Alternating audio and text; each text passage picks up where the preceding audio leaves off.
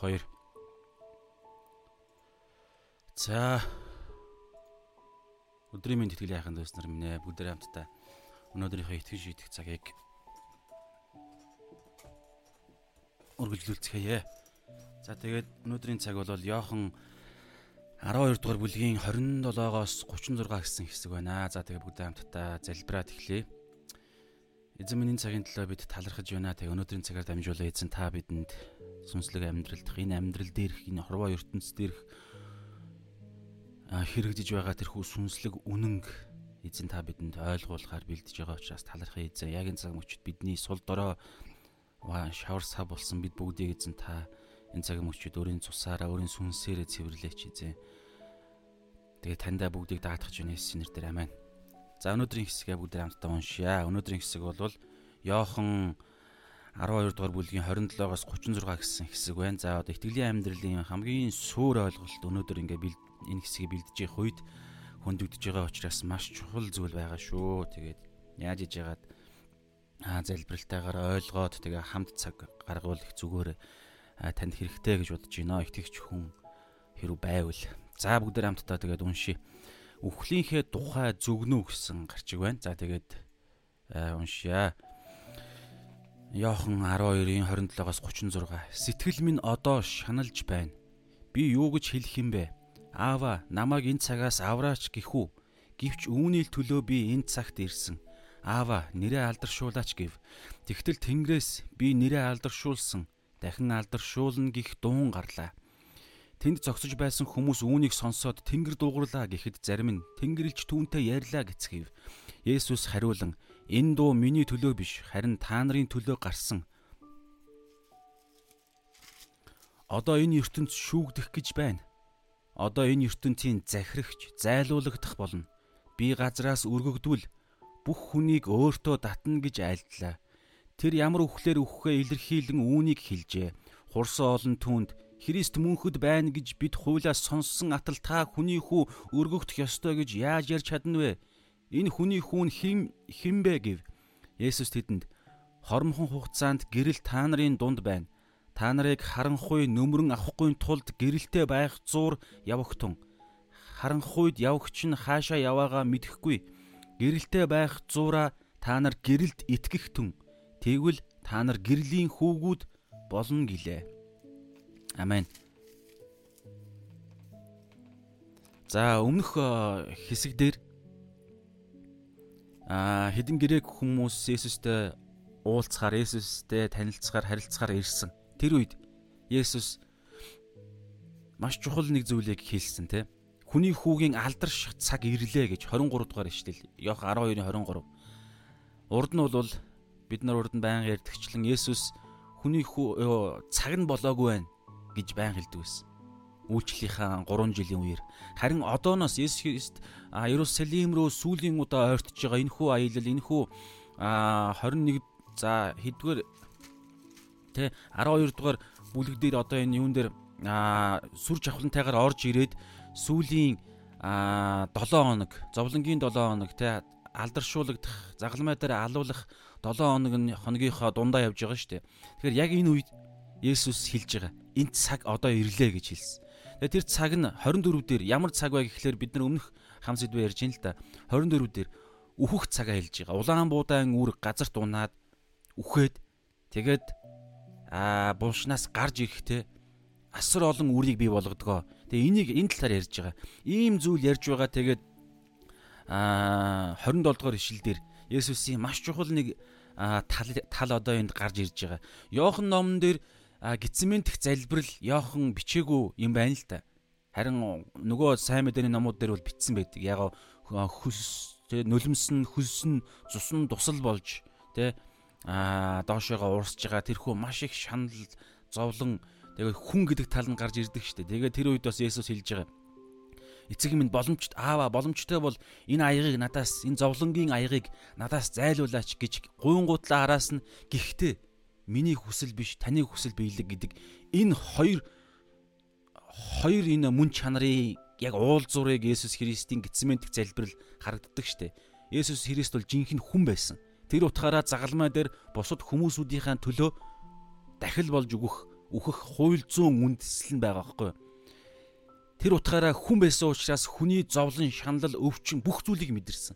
Тийм учраас тэр маш бодиттой мэдэрдэг мэдрэгдэж байгаа тэрхүү санаа зовлт, айдас, өвчин, зовлон, шанал, тамлалын айдсыг айдас нь аяг нь яг одоо ирж байгааг хитгэн цагийн дараа 12-ын нэг болох урагч Юдасын уралтын үнсэлтээр баригдах тэрхүү үйл явдал цаг нь айс үг бас бурхан байсан учраас яг одоо ирж байгааг мэдж байгаа учраас бас ямар аимшигтай зовлон шанал зөвхөн мах бод биш сэтгэлээрээ сүнсээрээ хүртэл зовлж шаналх яагаад тэгэхээр сүнсэн дээр нь бүх ертөнцийн гин нүгэл түүний дээр а дохогдсон штэ Бурхан болвол энэ дэлхий Есүс энэ дэлхий дээр амьдрахтаа 33 жил амьдрахтаа нэг ч гим нүгэл үлдээгүй. Яагаад вэ гэхээр гим нүгэл гим нүглийг үзен яддаг, гим нүгэлтэй хамт байх ямар ч тийм мөн чанарын мөн чанаргүй байхгүй юу. Гэтэл хүн төрлөختний төлөө бүх бузар муу гим нүглийг Есүс сүнсээрээ нуруунд дээр өөрнө. Тэр үед чинь ерөөс яг мөн чанарынхаа хамгийн дургу үзен яддаг зүйлээ Есүс Христ үүрхээр. Тэгэхээр сүнс сэтгэл мах бие бүх зүйлээрээ яг одоо зовж шаналж тамлагтахаар үхэх гэж байгаа тэр мэдрэмжээ хүн байсан учраас боолын дүрийг авч Филиппо дээр хэлж байгаа те боолын дүрийг авсан гэрхүү бүтээлийн дүрийг авч ирсэн учраас маш их аа шаналсан тэрийг аяс өө энэ ч одоо За уучлаарай энэ энэ нэг юуг ин юу лээ аа утасныхаа нөгөө нэг аудиогоор дуугаар таньдаг юугаа юусаа хаа хаацсан бай гэж бодцоор байгаад чадахгүй байсаар байгаа л өдөө хөрлөө. Одоо тэгж байгаа нэг энэний дараа шууд яхаг утгаас аа За очлаа. Оо.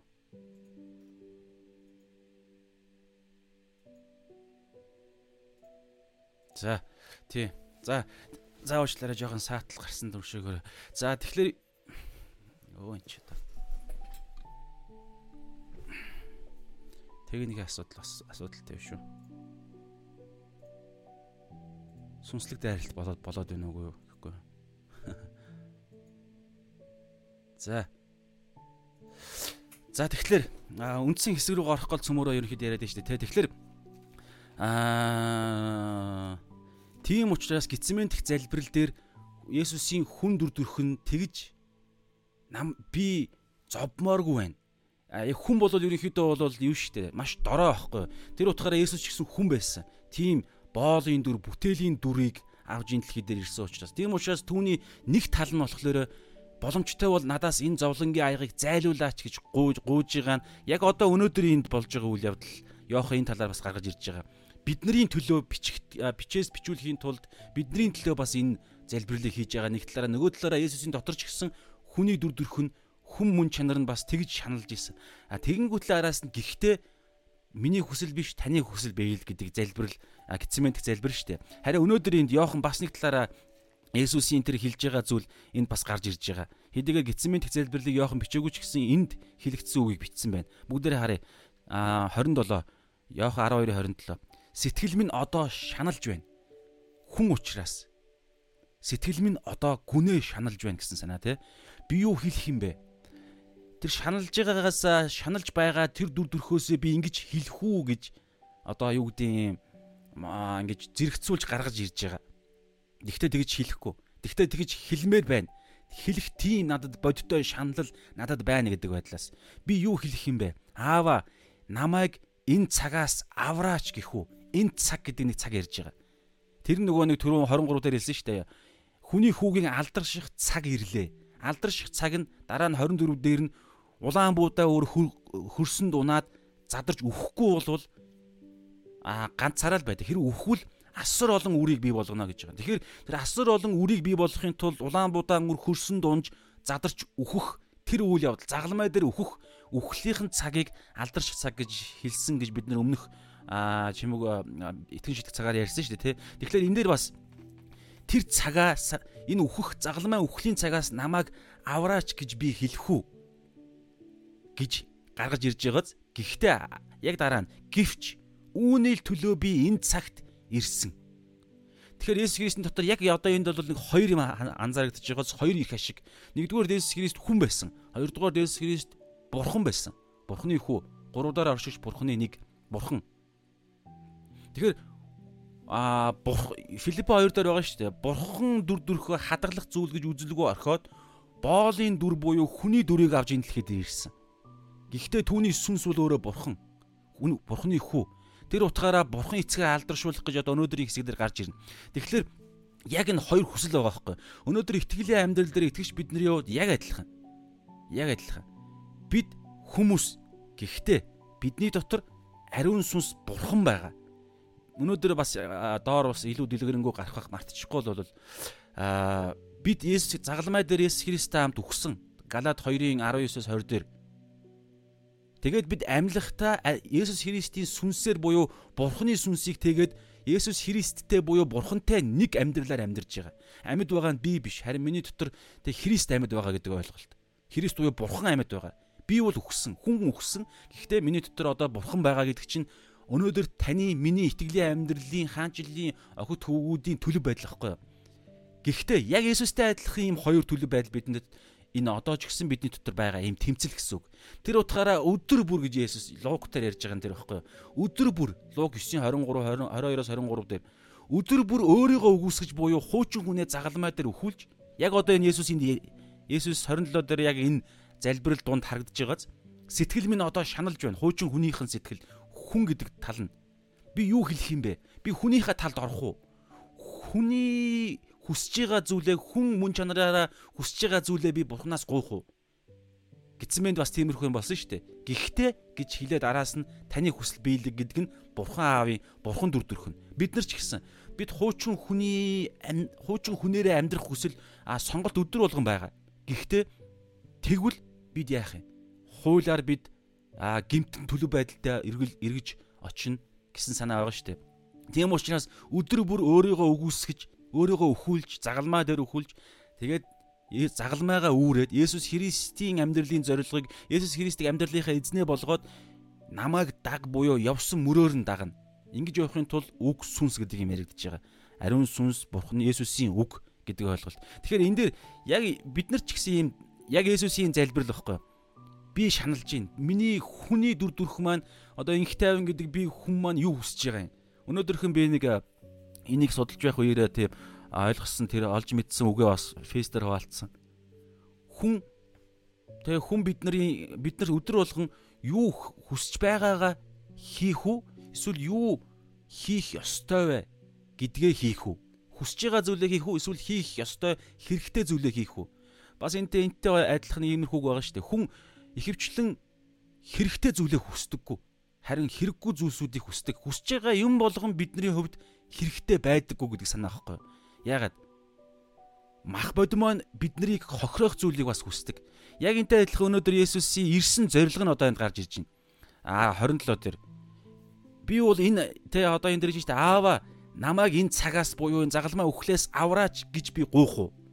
Би хүнийхээ талд орох уу? Би хүн би хүн юм уу эсвэл Би зөвхөн хүн үү? Үгүй би бол Бурхны хүү гэсэн санаагаар. Тэгэнгүүтлээ гівч үүний төлөө би энэ цагт ирсэн. За ингээд цааш явъя бүгдээрээ.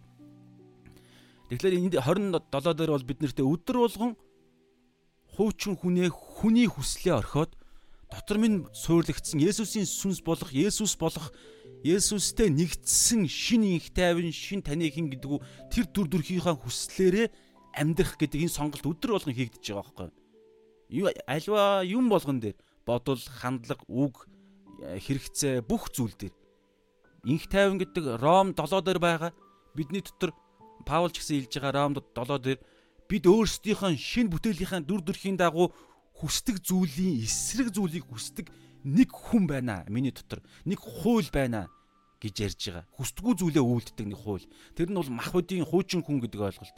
Тэгээд харин шин нь болохоор шин хүн дүр Есүс Христийн сүнсээр амилсан шин бүтээл Бурханаар бүтээгдсэн шин бүтээл бол Ром 8 дээр нь дараагийн бүлэг дээр нь байгаа. Сүнсээр явдаг.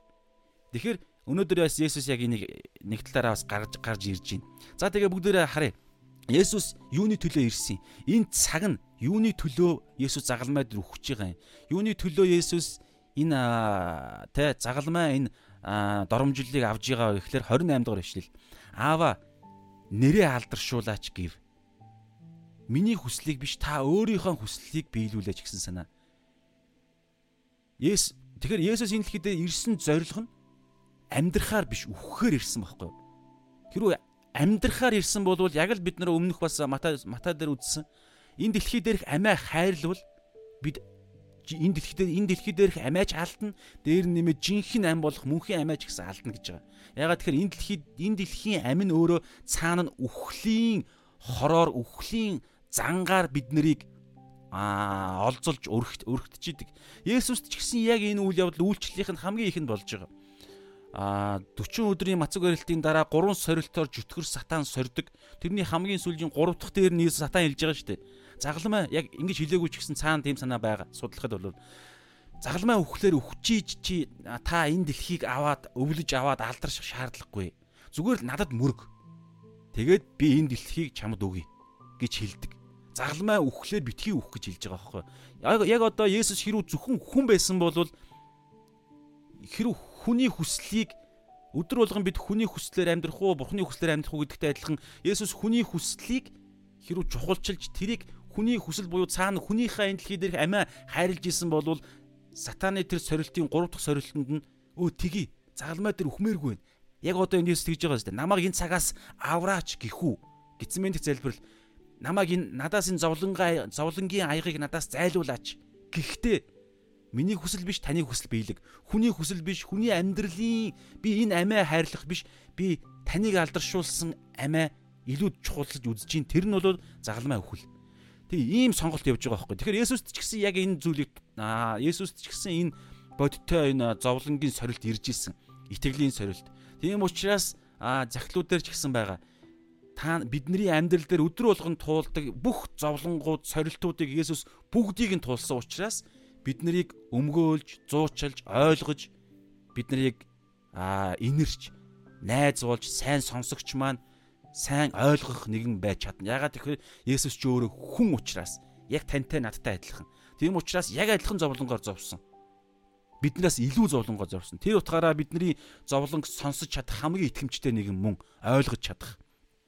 За тэгэхээр харин Есүсийн ирсэн зорилго нь бол үхлийн тулд ирсэн эцгээ өөрийнхөө амийг биш эцгээ алдаршуулах эцгийн а өгсөн тэр амийн төлөө тушаалын төлөө ирсэн. Тийм учраас эцгээ аава энэ нэрээ алдаршуулаач гэж хэлж байгаа.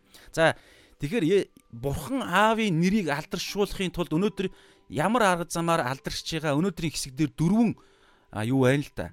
Бурхан яаж өөрийгөө алдаршуулдаг дөрвөн үе шат байна. Бүгдээрээ өнөөдрийн хэсэг дээр гарч байгаа. За бүгдээрээ харъя. За за тэрнээс наан нь 29 дээр яг ингэж хэлсэн Есүс тэ аава нэрээ алдаршуулаач гих дуун гарлаа. А бишээ. Аава нэрээ алдаршуулаач гэв. Тэгтэл Тэнгэрээс 28 Бурхан аавын гэсэн Есүсийн аав те би нэрээ алдаршуулсан нэгдүгээрт өнгөрсөн цаг дээр дахин алдаршуулна гих дуун гарлаа ирээдүйн цаг дээр алдаршуулсан алдаршуулна энэ юу ярьж байна за энийг ихлэ ойлгоё та санаж байгаа бол лазерыг амьлуулсан үйл явдал гэхгүй юу? Алдаршуулсан гэдэг нь. Яг яаж ингэж холбож байгаа вэ гэхээр Йохан 11 дээр байгаа шүү дээ. Марта Мариа нар Есүс рүү ах Лазар нь өхлүүд өвчтэй байхад нь 11-ийн эхний хэсэг дээр байгаа энийг 2 дугаар ишлэл дээр өвчтэй байхад нь таны хайрладаг хүн чинь өвчтэй байна гэж хэлүүлдэг. Үхээс нь өмнө. Тэгтэл Есүс Христ а тэр мэдээг авчирсан хүнд нэг үг хэлээд явуулдаг. Тэр нь ямар үг вэ гэхээр энэ өвчин үхэлт биш. Харин үүгээр би яг ишлэр нь уншчихъя бүр.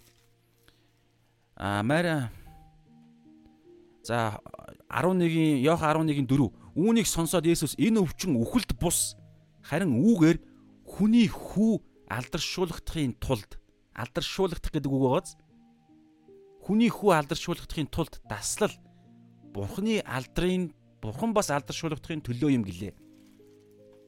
Тэгэхээр Лазарын өвчин үхэл амьл Лазар чинь өвч энэ өвчин гэж ярьж штэ. Тэгээд дараа нь үхчихдэг. Үхсний дараа 4 хоногийн дараа Иесус очиж байгаа. Гэхдээ тэгээд амьлуулж байгаа. Тэгээд ах чинь амьлах болно. Би бол амьлалт ба ам юм аа гэхэд 11-25 дээр хэлж байгаа. Тэгэхээр Лазарын үхэл үхэл өвхөлд хүргэсэн тэр өвчнийг Есүс энэ өвчин үхэлд биш. Харин Есүс хүний бурхны хүү буюу Есүс бурхан аав нь алдаршуулгахын тулд юм гэсэн. Яаж алдаршсан юм? Лазарыг үхлээс амьлуулсан.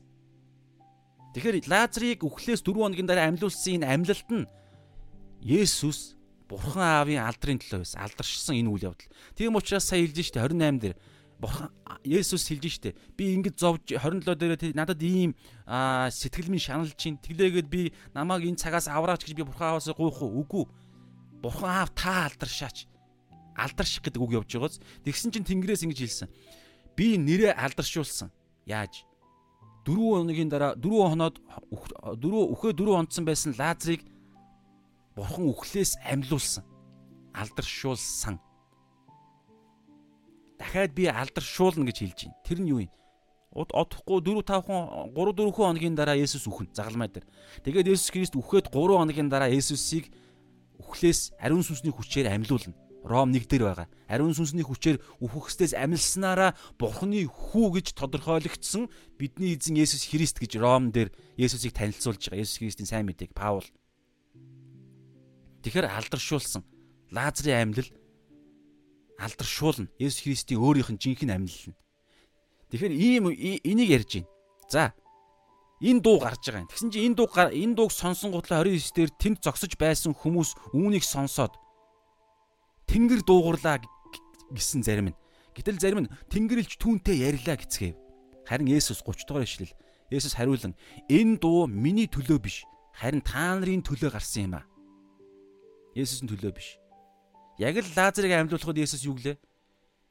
Хажууд байгаа энэ хүмүүсүүд сонсогдохын тулд би ингэ ийхүү залбирлаа гэ тэнгэрт байгаа эцэгтэй хандаад те намайг сонссон учраас те надтай хамт байдаг учраас миний залбиралд хариулсан учраас талархыг залбирсан хүмүүс сонсогдохын тулд гэрчлэл тэмдэг болохын тулд. Яг энтэй адилхан Есүс Бурхан аав нь урд нь зүгээр л Есүстэй ингээл те ариун сүнсээрээ дамжаад ч юм уу ямар нэгэн тэр Бурханы гурвлын тогтолцоогоор харилцдаг байсан бол энд бол яг одоо аудио хим химжигдэхүүнээр харилцаж байгаа ч те би нэрээ алдаршуулсан ал дахин алдаршуулах болно. Есүст хандж хэлээгүй гэсэн үг. Тэнд байгаа хүмүүсүүдэд тэмдэг болгож ерөнхий илчлэл гэж бас ярьдаг. Гэтэл хүмүүсүүд хардаа яасан гэхлээрэ Тэнгэр дуугарлаа гэдэг тодорхойлт хийж дүгнэлт гаргаж байна. Тэнгэр илч Есүстэй ярьлаа бид нартай биш гэдэг дүгнэлт гаргаж байна. Гэсэн чи Есүс дараагаар нь 30 дээр энэ дуу миний төлөө биш ээ та нарын төлөө юм а. Та нарын төлөө яах гэж та нарын төлөө гэдэг нь тэдгэр хүмүүсүүдэд юуг ойлгуулах гэж бурхан аав тэгж чанга ярьсан. Сонсогдсон, чихэнд нь сонсогдохоор ярьсан. Гэрчлэл, итгэлт хүрэхийн төлөө. Йохан ном тэр чигээрээ Йохан 20 30 30 31 дээр нь байгаа. Энэ бүх зүйлсүүд чинь Есүс бол Христ Бурхны хүү гэдэг та нарыг итгүүлэхийн тулд ингэснээрээ энэ итгэлээрээ дамжуулан мөн хамтаа болохын тулд Яохан ном тэр чигээрээ бичигдсэн. Тэгэхээр энэ итгэлийн төлөө энэ бурхан аав ийм арга замаар өөрийгөө хичилж байна. Яг энтэй адилхан нар, сар, байгаль, дэлхий бидний дотор байгаа энэ хүү мүс чанар энэ дэлхийн ертөнцид байгаа бидний бид өөрсдөө толин дарахад бид өөрсдөө амьд байгаа зүйл хүн төрлөختний бүтээж байгаа энэ бүтээн байгуулалт энэ бүх зүйлүүл зүйл чинь нэг зүйлийг биднэрт илчлэх зоригтой гэж Библиэлд байдаг. Бурхан Бурханы үл үзэгдэх болон түүний тэ сүнслэг байдлыг Ром 1 дээр байгаа байхгүй юу? Бурханлаг байдал түүний үл үзэгдэх чанарыг нь чанар нь түүний бүтээгдсэн зүйлээр нь дамжуулан илэрхий харагдаж байгаа бүтээгдсэн зүйл нь яагаад энэ сансар окторгүй галактик хоорондоо юусоо мөргөлдөхгүй байгаа. Яагаад ингээд NASA маса дэлхийд ойрхон ойрхон энэ од нэг солир явж ийн мовж ийн гэж байгаа мөртлөө хизээч мөрөхгүй байгаа юм. Гэтэл хар мянган од байгаа шүү дээ. Дандаа хөдөлгөөнтэй гэж нүүж явж байгаа. нар хэрүү нар хэрүү дэлхий рүү жоохон л ойртох юм бол дэлхий дулаа дулаарл болоод янз бүрийн болно шүү дээ. Нарыг тойроо дэлхий ингээл те эргэж байгаа дээ. Нэг жил нэг бүтэн тойроход жил жил болдог гэж байгаа. Тэгээ ингээд энэ сансар окторгууд чинь хэдэн мянган ойролцоогоор 6-аас 7 мянган жил гэж ярьж байгаа те библийн цагаар бол энэ хугацаанд донд яагаад дэлхийн ертөнц одоо хүртэл байгаад байгаа юм? Яагаад тэгэхээр хэлж байгаа. Энэ зүйлийг чинь цаана оюун ухаантай зохион байгуулалттай нэг хүч буюу Библиэлд бол сүнслэг хүч 3 дахь тэнгэр гэж ярьж байгаа бүтээгчийн оршихуй цаана нь ажилуулж барьж Колосай дээр бол Есүс Христ энэ дэлхийн ертөнцийг тогтоон барьдаг гэж байгаа байхгүй юу. Тэгээ Есүс Христ өөрөө энэ дэлхийн ертөнцийг ингэж барьж байгаа нь өөрийгөө эндээс бүтээлээс нь хүмүүс хараад энэ Бурхны дүр төрхөөр бүтээгдсэн энэ оюун ухаанаараа хараад хүмүүс энэ орчлын ертөнцид яалтчгүй нэг тийм нэг хүч байна. Цаана нэг хүч байна. Тийм учраас надад ийм бодол орж ирж мэдрэмж орж ирж. Миний амьдрал бид нэг юм зүгээр нэг юм робот биш. Бид амьдралаас цаана нэг юм утга учир баймарсан. Хүн ингээл төрөөл үхэл, төрөөл үхэл. Тэгэл аа тэ мэдлэг аваад мэдлэгээрээ мөнгө олоод мөнгөөрөө тэ за хамгийн тэр нэг одоо юу гэдгийг хийсвэр гэж байгаа хамгийн нэг тийм аа нэг тийм те үл үзэгдэх нэг бодиттой хүчийг илэр илэрхийлдэг зүйл бол хайр штэ хайр Эрос хайр, заав ээжийн хайр. Гэтэл тэр хайр нь хүртэл яг ингээд яг бид тэр хайраар явхороо энэ дэлхийн ертөнцийн дээр байгаа уг нь хүсээд байгаа хүсэл нь бол амар гоё те нэг гоё гоё хайр хүсдэг штеп насан туршийн ганц хүнээ хайрлна. Тэгээд тэр хайр нь биднэр хайртай хүн маань бидний төлөө ингэн аав ээж маань ийм них гоё. Гэтэл яг цагаад тулаад ирэхээр нэг л болж өгдөггүй. Яагаад ингэж байгаа юм? Тэр цаана нэг уг нэг тийм бидний асар том асар чухал асуултаар эхлээд хариултаар биднэртэй холбогдох нэг ертөнц байгаа байхгүй юу?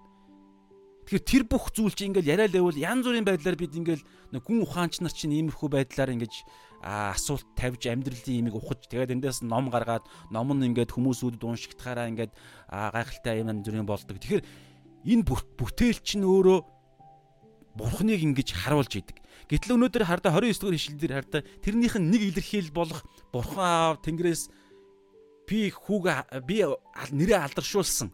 Дахин алдаршуул алдаршуулах болно гэдэг дуу гарахад хүмүүсүүд тэнд зогсож исэн хүмүүсүүд зүгээр л хүн өөрийнхөө ойлголтоор харж байна. Өө Тэнгэр дуурж байна. За арай нэг жоохон сүнслэгжүүлж байгаа нь те Тэнгэрлж түүнтэй ярьж байна гэд. Би нэрээ алдаршуулсан. Дахин алдаршуул алдаршуулах болно гэдэг энэ үг сонсогдоход тийм байдлаар тэд нар хариу хариу үйлдэл гаргаж байгаа. Яг энтэй адилхан түрүүн байх баахан юм яриад байгаа нь тэр. Өдөр болгон нар гар нар мандахыг бид нар хараад оо нар мандчлаа за ажилд явъя гэдэг энэ дүгнэлтийг хийгээд байгаа шүү дээ. Эсвэл бол те зүгээр л ингээл ингээл зүгээр ингээл оршин тогтнчиход л бид агаараар амьсгалаа л байгаа. Зүгээр л унтаал өглөөс сэрэхэд л сэрж гин. Нэг албатай юм шиг, ёстой юм шиг. Гэтэл тэр ам өөгдөж байгаа яг харж чадах юм бол энэ орчлын ертөнцийн цаана дандаа бурхан би байна. Намайг байгааг та нар мэдрээд мэдэрч олж харж намайг хайгааж хайх юм бол би та нарт олдно. Гуйл та нарт өгдөн, тогшуул та нарт нээгдэнэ. Тэр нь юу юм? Улс үндэстэн болгонд хаасаг одоо энэ сошиал медиагээр бурхан өөрийгөө маш бодтойгоор өөрийгөө илчилсээр л байна. Тэрнийх нь нэг цаг нь одоо ч гэсэн гарч байна. Тэгэхээр энд хариулах уу үгүй юу гэдгээс шалтгаалж одоо дараагийн ишлүүдээр гарах юм гарч ирнэ. За цаашаа явъя бүгдээрээ. За 30 дээр ингэсэн. Тэгээ энэ миний төлөө биш та нарын төлөө энэ бүх зүйл байгаамаа гэж хэлж байгаа. Гэтэ та нарын төлөө гэдэг нь юу юм? Зүгээр ингээл те нар мандж байгаа ингээл гэрэлтэй байхын төлөө. Ангаар агаар өгдөж байгаа зүгээр л амьд байхын төлөө. Энэ дэлхий дээр л амьд байхын төлөө биш байхгүй юу? энэ бүх орчлын ертөнцийн чинь тогтож байгаа нэг зүйлийн төлөө. Тэр нь энэ дэлхий дээр бид нарыг аз жаргалтай амьдруулахын төлөө биш. Библи тийм ярьдаггүй. Гол зүйл нь. Гэтэ гол зүйлийг дагаад мэдээж тэр аз жаргалтай байх те урт удаан амьдрал өгдөн эрүүл мэрүүл гээл те эрүүл чирэг бие мэй гээл юу вэ тэд нар. Гэтэ тэр нь гол юмнасаа гардаг. Тэр гол юм нь юу вэ гэдэг дээр л хамгийн чухал байгаа даа байхгүй юу? За тэгэхээр 31 дээр одоо 31-ээс эхлэнэ гэсэн үг. За одоо нөгөө дөрвөн зүйл. Бурхан энэ дэлхий дээр а бурхан нэрээ алдаршуулсан алдаршуулна гэж ярьж штэ. Ер нь орчлын ертөнцийн хүн төрлөختийн яах гэж оршоод байгаа гэхээр ямар нэгэн зүйлийг л алдаршуулахын тулд оршдог хүн бүх хүн. яг Библийн дагуу болвол юуг алдаршуулах вэ гэхээр бүтээгчэл алдаршуулна. Биднэрт ам өгдөг. Бидний ам амьсгал болсон бүтээгч ааваа алдаршуулна. Харин гим нүглээс болоод хүмүүс өөр имийг алдаршуулж эхэлж байгаа. Алдаршуулж алдаршуулдаг. Тэр нь юу байж болох вэ? Хиймэл бурхтууд. Бурхангүй үзэл гэдэг нь өөрсдийгөө л гэсэн үг шүү дээ. Өөрсдийгөө. Шинжлэх ухааныг одоо юу гэдгийг ээжийгаа эхнэрээ хүүхдүүд одоо юу гэдэг ямар нэгэн эсвэл эд хөрөнгийг мөнгө маммон гэдэг байгаа. Ямар нэгэн зүйлийг заавал хүн алдаршуулж шүтэн биширж тэрний төлөө амьдрдаг. Амьдралынхаа зорилгоо болгоод тэрийг хараад ингээл тэрлүү ингэж тэмүүлдэг. Гэтэл яг Библийн дагуу бүтээлийн дагуу орчлон ертөнцийн тогтолцоогоор бол бид бүтээгчээл алдаршуулах зорилготой. За тэгээд ийхүү алдаршуулгахдаа бурхан дөрвөн зүйлээр алдаршуулдаг гэж. Нэгдүгээрт 31-р эшлэлээр аа хоёр нь байгаа. За нэгдүгээрт ингэж байна. Одоо одоо гэдэг үг одоо энэ ертөнд шүүгдэх гэж байна. Нэгдүгээрх нь.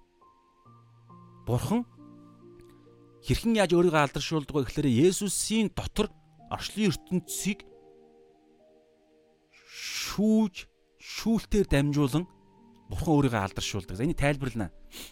За хоёрдугаарт нь 31-ийнхаа хоёр дахь өгүүлбэр одоо одоо гэж байгааз хоёр удаа одоо энэ ертөнцийн захирагч зайлуулагдах болно.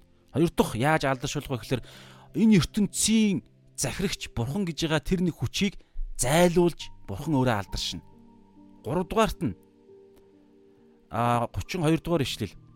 Би газраас өргөгдвөл бүх хүнийг өөртөө татна гэж айллаа.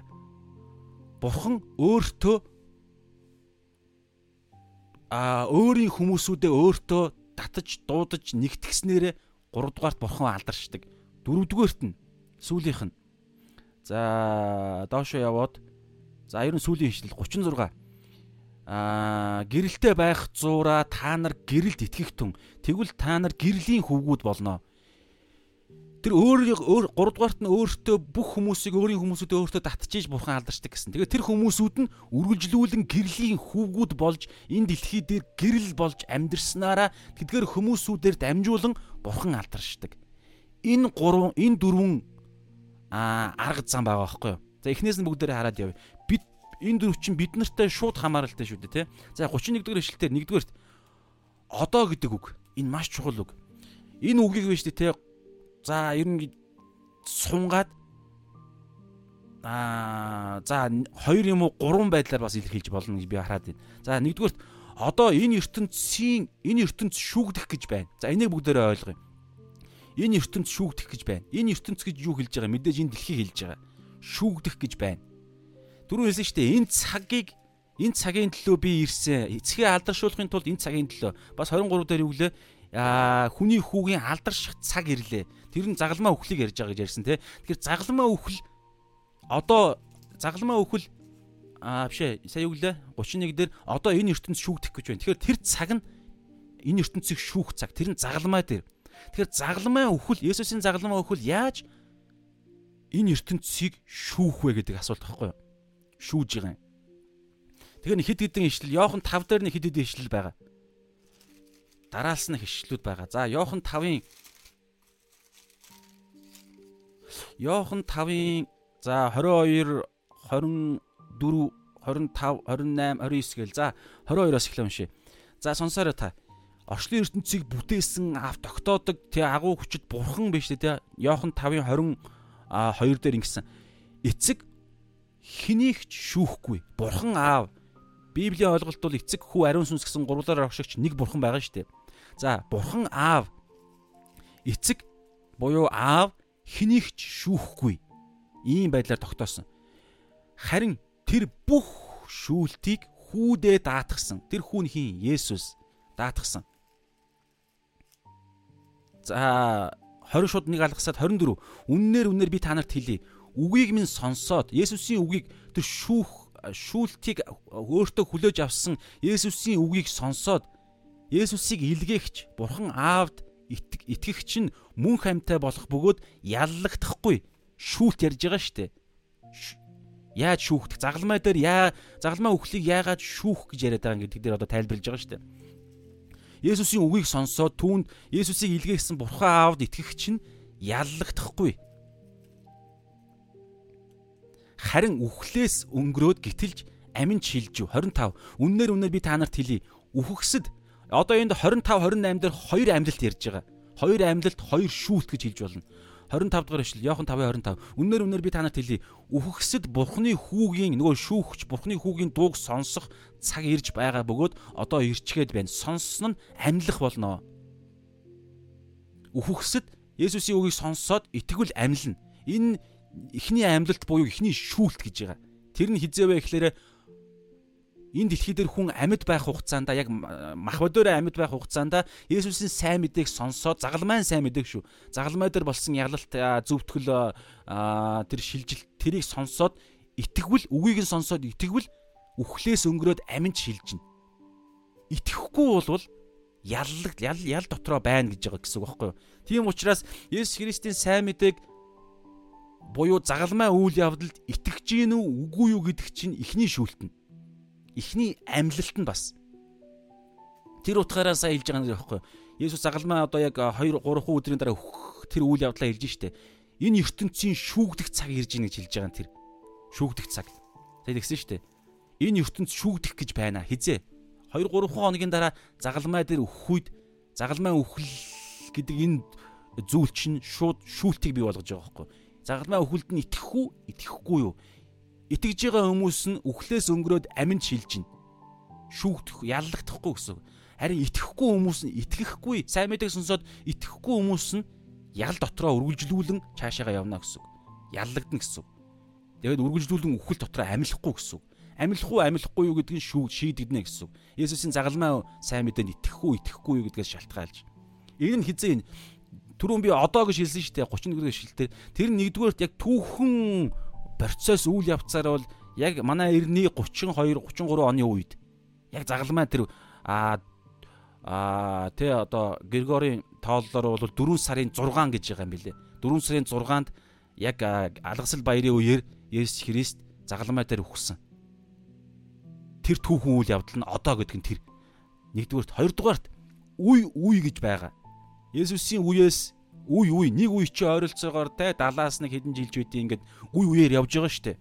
Нэг хүн ам төрөөд нэг те 80 жил ч юм уу амьдраад үхэн. Дараагийн үеийн ингээд дундаасаа ингээд ингээд солигдно. Тэгэхээр үе үеийн хүмүүсүүд тэр дундаа үе үеийн хүмүүсүүд энэ дэлхий дээр амьдарч явах хугацаанд нь сайн мэдээ сонсох уу үгүй юу гэдэг тэр сонголт буюу яг тэдгэр хүмүүсүүдийн хувьд ч гэсэн загалмай дээр Есүс Христ үе үед тавтамжтайгаар үхэж байгаа процесс явагдаж ийн гэж ойлгоход баг болж байгаа байхгүй юу. Яг өнөөдөр жишээ за өнөөдөр нэг хүн сайн мэдээ анхудаа сонслоо гэж бодъё. Яг жинхэнэ сайн мэдээг. Тэгээ тэр хүн итгэх үү, итгэхгүй юу гэдэг нь яг энэ түүхэнд байсан тэр 32 оны үед байсан тэр загалмай дээр Есүс Христ үхэж байгаа процесс тэр хүний өмнө яг одоо сонголтоор ирж байгаа байхгүй. Тэгээд итгэх үү, итгэхгүй юу гэдгээс шалтгаалж тэр хүний хувьд үхлээс сүнс нь түрүүн Иохан 5-ын 25 дээр хэлсэн шүү дээ Үнээр үнээр би та нарт хэлье. Үхгсэд сайн мэдээ сонсоогүй тэр хүн чинь а итгээгүй байгаа тэр хүн чинь сүнсээрээ өхмөл байгаа байхгүй.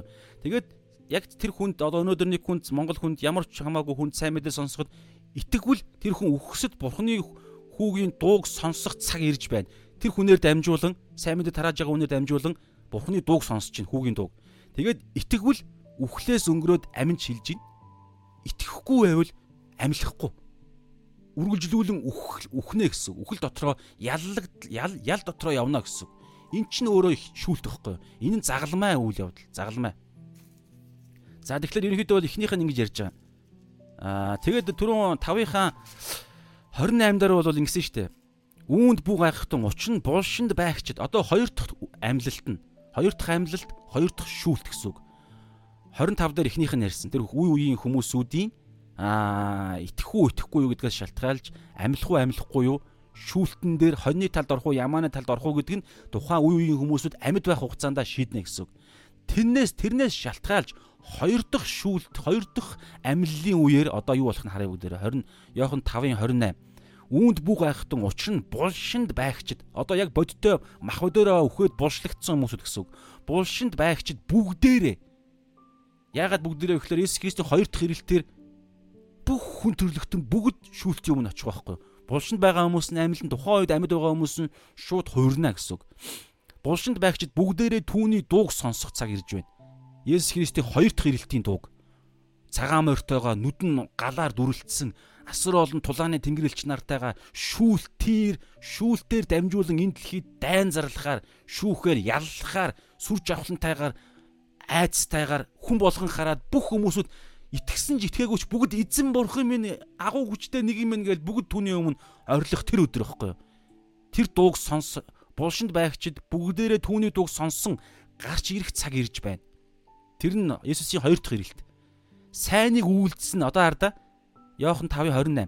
Одоо 29 рүү орж байна. Сайныг үйлдэлсэн гэж байгаа. Энэ нь ямар сайн үйлс юу ярьж байгаа гэхээр эхний ирэлтээр буюу тухайн хүмүүсүүд Есүс Христийн сайн мэдээ сонсоод итгэх үү, итгэхгүй юу гэдэг үг байхгүй юу? ингээ яриул чааш нь олон юм байна. Яагаад энэ сайн хүмүүс гэж байна? Зөвхт хүн сайн хүн гэж нэгч байхгүй байхгүй. Харин тэр бузар мууга Йохан 3-ын 21 дээр байгаа. Бузар мууга хүлээн зөвшөөрсөн. Бурхан агуу хүчтэй шүүвч гэдэг нь хүлээн зөвшөөрөөд гэрэлд гарч ирж байгаа. Энэ үйлдэл гимшиж байгаа. Есүс Христ итгэж байгаа. Эн чинь өөрөө сайн үлийн эхлэл байхгүй. Дээрээ төрж байгаа гэсэн үг. Ингээд ирэхээр дээрээс төрсэн гимшсэн Есүс Христийг амьдралынхаа эзнээ болгосон хүмүүсүүд сүнсээр нь үгээр нь энэ дэлхий дээр жинхэнэ утгаараа сайныг үйлдэж амьдрах боломж нь өгөгддөг. Хүч нь, боломж нь, зааварчилгаа нь өгөгдөж байгаа Библиэр дамжуулж. Тэр утгаараа энийг хэлж байгаа гэсэн. Сайныг үйлдэлсэн амийн амьлалд муу мухаг үйлдэлсэн буюу бурхнаас имээдэггүй, гимшдэггүй, аврагч бурхан тэр өөрийнх нь төлөө үхсэн тэр үхлийг хүртэл үл ойшоогоод үгүй би над бурхан хэрэггүй би өөрөө өөрөөрөө амьдрна би амьдралын эзэн амьдралынхаа эзнийг би бүтээгч бурханаа биш биднийг эдийн цэцэрлэгт Адам Евагаар дамжуулан үхэлт хүргэсэн чөтгөрийг би бурханаа болгоно гэд муу муухаг сонгосон хүмүүсүүд гэхэд тэгж хэлэхгүй шүү дээ илэрлэл нь юу юм? Миний амьдралын эзэн би. Гэтэл анх тэгж бүтээгдээгүй. Бурхан миний амьдралын эзэн байгаар бүтээгдсэн. Тэгээд бид мөнгөний төлөө, маммоны төлөө, мөнгөний төлөө, эд баялагын төлөө, нэр алдрын төлөө би амьдрнаа. Бурханы бурханы төлөө биш. Иймэрхүүс ойлголтууд чинь муу муухай гэдэг ойлголт явж байгаа. Муу муухайг үйлдэлсэн нь ялын амьлалд байх болно. Тийм учраас Есүс Христийн Йохан 6-гийн биш ээ, Йохан 9-ийн 39 дээр байдаг санагдаж байна. Йохан 9-ийн 39 дээр бас энийг хэлж байгаа. Нөгөө төрөлхийн сохор хүнийг идгээсэн ингэж байгаа хараа. Есүс түүнд нөгөө төрөлхийн сохор хүн идгсэн хүнд ингэж хэлж байгаа. Энэ би энэ ертөнцид шүүлтийн төлөө ирсэн гэж хэлж байгаа. Би энэ ертөнцид шүүлтийн төлөө ирсэн нь хардаггүйг хардаг, харагсдыг сохор болгохын тулд гэж айлдав. Эхнийхээ ирэлтээ хүртэл Есүс шүүлтийн төлөө гэж ирсэн байхгүй. Тэр утгаараа одоо энд ч гэсэн энэ ертөнд шүүгдэх гэж байна загалмайн сайн мэдээнд итгэх үү, итгэхгүй юу гэдэг чи өөрөө шүүлт. Хоёр дахь ирэлтээр мөнхийн там уу, мөнхийн аа улс уу, амьдрал уу, жаргал уу гэдгийг энэ дэлхий дээр амьдарч байхдаа сайн мэдээнд итгэх үү, итгэхгүй юу гэдгээс шалтгаалж шууд цаана нь үр дүн зүгээр өгдөнө гэсэн. За энэ нэгтгэх нь яаж бурхан алдаршихын гэхээр нэгдүгээр Есүс Христийн загалмай дээр хийж байгаа тэр шүүлтээр дамжуулан Бурхан өөрөө алдаршиж байгаа. Яагаад? Шудрах ёс тэнд тогтоогдож байгаа байхгүй юу? Яагаад та боддоо яагаад Есүс Христийн үхэл Бурханы аавыг алдаршуулад байгаа юм? Яагаад? Ер нь та ингэ боддоо ямар үед Бурхан алдарших юм? Зүгээр ингээд маш энгийнээр ямар үед Бурхан алдарших вэ? Хүн бузар мууг үйлдэхгүй зөвийг үйлдээд Бурхан аавынхаа хүслийн дагуу Мата 6 дээр байгаа шүү дээ. Эзэн минь эзэн гэсэн болгон Тэнгэрийн хаанчлалд орохгүй харин бурхан Тэнгэрт эцгийн минь хүслийг үйлдэгчл Тэнгэрийн хаанчлалд орно.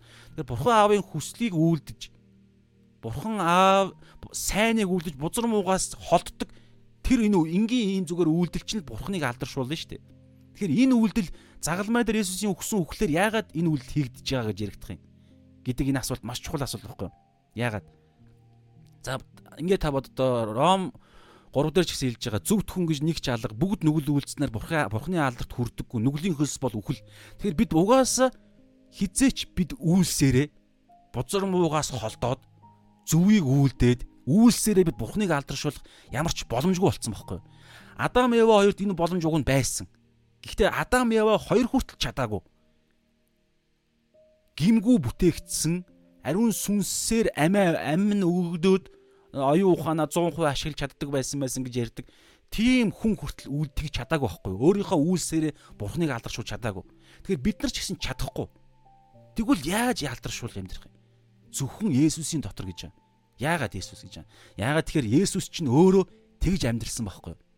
33 жил амьдрахдаа Есүс яг ингэж амьдрсан энэ дэлхийн ертөнцийн бүх сорилтоор соригдсон бузар муугаар явсан мөртлөө сул дорой гим нүглийн бие гим нүгэлтэй хүний дүр төрхөөр бүтээгдсэн тэр биеийг авсан мөртлөө нэг ч гим нүгэлгүй амьдарч 33 жил Йохан 5-ын 18 20 илүү 30 дээр бас байгаа. Хүү өөрөөсөө юу ч хийж чадахгүй. Эцгийн хийж харуулсныг л хүү хийдэг гэдэг ийм төлөв байдалтай Есүс амьдэрсэн. Өөрөөрөө юу ч хийгээгүй. Дандаа эцгийн хүслээр Эн чинь Лук 9:30 23 24 өдөр бүр өөрийгөө үгүйсгээ загалмайгаа өрөөд Есүсийг дагна. Яг энтэй адилхан Есүс энэ дэлхий дээр амьдрахдаа хүү бурхан энэ дэлхий дээр амьдрахдаа аав бурхнаа алдаршуулахын төлөө л амьдрсан. Бурхан нь бурхнаа алдаршуулахын төлөө бурхан амьдрсан байхгүй юу? Хүн Есүс 100% яг 100% ч яг жинхэнэ хүн байсан. Гэхдээ жинхэнэ бурхан байсан. Тэр утгаараа бурхан л энэ дэлхий дээр хүний дүр төрхөөр амьдрахдаа ямар ч гимгүүгээр хүн энэ дэлхий дээр бүтээгдсэн зорилгыг биелүүлж чадсан. Зорилго нь юу гэлээ тэр нь бурхныг алдаршуулах. Яг Есүс тэгж амьдэрсэн. Тийм учраас Есүс тэгсэн мөртлөө тийм хэрв Тийм учраас ямар ч гим нүгэлгүй бурхан аавыг алдаршуулж амьдрсан энэ дэлхийн хүн төрөлхтний зорилгыг биелүүлсэн бас хүн төрөлхтний зорилго болох гим нүгэлгүй амьдр чадсан хүн чинь үхэх ёсгүй шүү дээ. Гэтэл дахлын тогтолцоо гэдэг юм байгаа байхгүй юу? Анх Адам яваа хоёр гим үлдэхэд л ичхүүрийн дадлахын тулд бурхан өөрөө амтныг үхүүлээд арьсаар нь дээл хийж өгөнгөө тэнд чинь дахлын тогтолцоог зааж өгж байгаа. Яг дараагаас нь Абель, Каин хоёр тэр тогтолцоог нь сураад дахил өргөж эхэлж байгаа. Абель яг Бурхны заасны дагуу амьтныхаа анхны төлийг нь алаад өхүүлээд өөрөө өөх ёстой учраас одоо Абель өөрөө миний оронд энэ энэ өө согоггүй хураг өглөөгээд яг энэ тогтолцоогоор гин нүглийн энэ гин нүглийн ял шитгэл төлөгдөх энэ тогтолцооч энэ багхгүй юу? Заавал цус урсах ёстой. Тэр утгаараа ингэж тогтолцоо хүн төрөлхтний түүхийн эхлэлээс дахил хүн төрөлхтнийг өдөр болгон амьдруулах боломжийг нь дахилын тогтолцоо Бурхны зохиосын тогтолцоо чинь амьдруулж исэн багхгүй. Тэгэхээр яг энтэй адилхан Есүс уг нь өөх ёсгүй гэж түр ярьлаа шүү дээ. Гимнүгэлгүй амьдрсан. Дээр нэмээд Есүс хүн төрлөختний анх бүтээгдсэн зорилго болох бурхан аавыг алдаршуулж амьдрсан да. Тэр нь бол гин нүгэлгүй амьдрах гэж хэлсэн ч болно. Тэгэхэр чи өөх ёсгүй байхгүй юу? Гин нүгэлгүй учраас энэ дэлхий дээр мөнх амьдрах боломжтой гэсэн. Одоо хаанч үд энэ. Гэтэл Есүс энэ дэлхий дээр ирсэн зорилго нь энэ дэлхий дээр зүгээр мөнх амьдрах зорилготой биш шүү дээ. Филиппо 2 дээр байгаа. Боолын дүрийг аваад бусдын төлөө бусдыг амьлуулахын төлөө энэ дэлхий дээр бурхан хүн болж ирж байгаа байхгүй юу? Йохан 3:10 16 17. Бурхан ертөнцийг үнэхээр хайрласан тул бурхан ертөнцийг гемтэй ертөнцийг үнэхээр хайрласан тул цорын ганц хүүгээ өгсөн. Хүүд нь итгэгч хинч мөхгүй 17 дээр нь бурхан ертөнцийг яллахын тулд биш хүүгээрээ дамжуулан бурхан болсон хүү болох бурхнаараа хүү бурхнаараа дамжуулан ертөнцийг яллахын тулд биш аврахаар тийм учраас угаасаа энэ дэлхий дээр үхэхээр л ирсэн байхгүй. Тийм учраас дахил болж байгаа. Дахил. Дахлын дахлын хийдэг гол юм юу юм? Бидний хуучин гэрээ судлах юм бол гэж байгаа. Бидний яг өдөр болгоны үйлдэгдэж байгаа энэ гим нүгэл чинь өөрөө нэг гим нүгэл биднийг тамд аваачих ийм мөн чанартай сүнслэг ийм бид ертөнцид амьдраад байгаа байхгүй уг нь бол библийн дагуу бол тэгэхээр тэр гим нүглийн дагуу бид нар өөхөх ёстой. Гэтэл бидний оронд дахил тэр хураг буюу одоо энэ дээр бол Есүс үхэж байгаа загалмай дээр. Тэгээд ингэхэд яах вэ гэхээр бид тухайн хурганы цусыг нь ууж бишээ махыг нэдэж цусыг нь ууна гэж Йохан дээр Есүс хэлж байгаа. Тэрийг бас бид нар ярьсан. Тэгэхээр Есүс Христтэй нэг нэгдэх үү үгүй юу? Есүс Христэд итгэх үү, итгэхгүй юу гэдэг энэ зүйл чинь Есүс Христэд итгэх юм бол бид Есүстэй нэгдэнэ. Гитлэлийн алгаслын Египтээс гарсан тэг гитлэл дээр гарч байгаа. Есүс Христ тухайн хурганы махыг нь идж байгаа. Тэгснээрээ тэр хург бит хоёр хурганы мах бидний миний ходоодонд ороод нэг болж байгаа гэдэгтэй адилхан Есүстэй бид үгээр нь амьдрын үгийг нь даг Йохан 6 дээр байгаа 8 дээр байгаа шүү дээ 8:30-аас 33 2 дээр байгаа. Есүсийг араас нь дагахыг хүсэж байгаа хүн бол Есүсийн хэлсэн үгээр нь үгэн дотор нь амьдрж ижил Тэр нь ингээд цаашаага чөлөөлөлт мөлөөлөлт гэдэг юм болгож байгаа. Тэгэхээр үгийг нь үг нь үгийг нь хэрэгжүүлж амьдрах буюу Есүсийн махыг нь идэж штэ. Тэгэхээр би загалмай дээр өгч чинь гэсэн үг байхгүй. Өдөр болгон үгийг нь хэрэгжүүлж амьдрна. Өдөр болгон бид хуучин хүнээ луг 9:20 хэдийн дагуу хуучин хүнээ өхүүлээд тухайн үгийн дагуу амьдрахын тулд тухайн үгийн эсрэг талд бид одоо ямар сэдв байдгийг ингээд өөр юм хүсэж байгаа шүү дээ. Завхаармаар байна. Гэтэл тухайн үгэн дээр битгий завхаарга хэлсэн. Тэгэхээр завхаарах гэдгийг хүслээ өхүүлээд буюу загалмай дээр хадаад тэр битгий завхаар гэдэг ариун сүнсээр яв гэдэг те тэрийг бид хэрэгжүүлж амьдрснараа үгийг нь идж байгаа гэдэг ойлголт. Тэгснээрээ би загалмай дээр би өгч байгаа байхгүй юу? Тэгэхээр ийм ойлголт ярьж байгаа. Загалмай дээр би Есүс Христтэй хамт өгч ижил бид нар Бурхныг алдаршуулна. Би зөвхөн нэг эхнийхийг нь яриад байна шүү дээ. Дөрвөн зүйлийн яаж Бурхан энэ дэлхий дээр өөрийгөө алдаршуулах вэ гэхээр нэгдүгээр Есүс Христийн загалмай өхөл өхлөөр дамжуулан хүн төрлөх хүн төрлөختөн Бурхныг алдаршуулна. Нэгдүгээрт нь сая хэлж байгаа нь Есүс Христтэй загалмайтай загалмай өхөлтэй нэгдэж ижил бид Бурхныг алдаршуулна. Энэ ингээ сая ярьсан амар нарийн ойлголт. За хоёр дахь нь а 31-ийн 2 дугаар ишлэл. Одоо дахиад одоо гэж хэлж байгаа. Нэгдүгээрт яг түүхэн цаг үедээ 32-оос 33 оны үед нөгөөх нь одоо бид нар яг одоо энэ цаг мөчид. Ер нь аврал ер нь авралын авралын энэ төлөв байдлыг ярихад дандаа одоо ярьдаг шүү. Одоо өнгөрсөн тэр авралын залбирлаар баптизмаар аврагдана гэдэг юм ярьдаггүй. Эсвэл ирээдүг гэж ярьдаггүй. Яг одоо.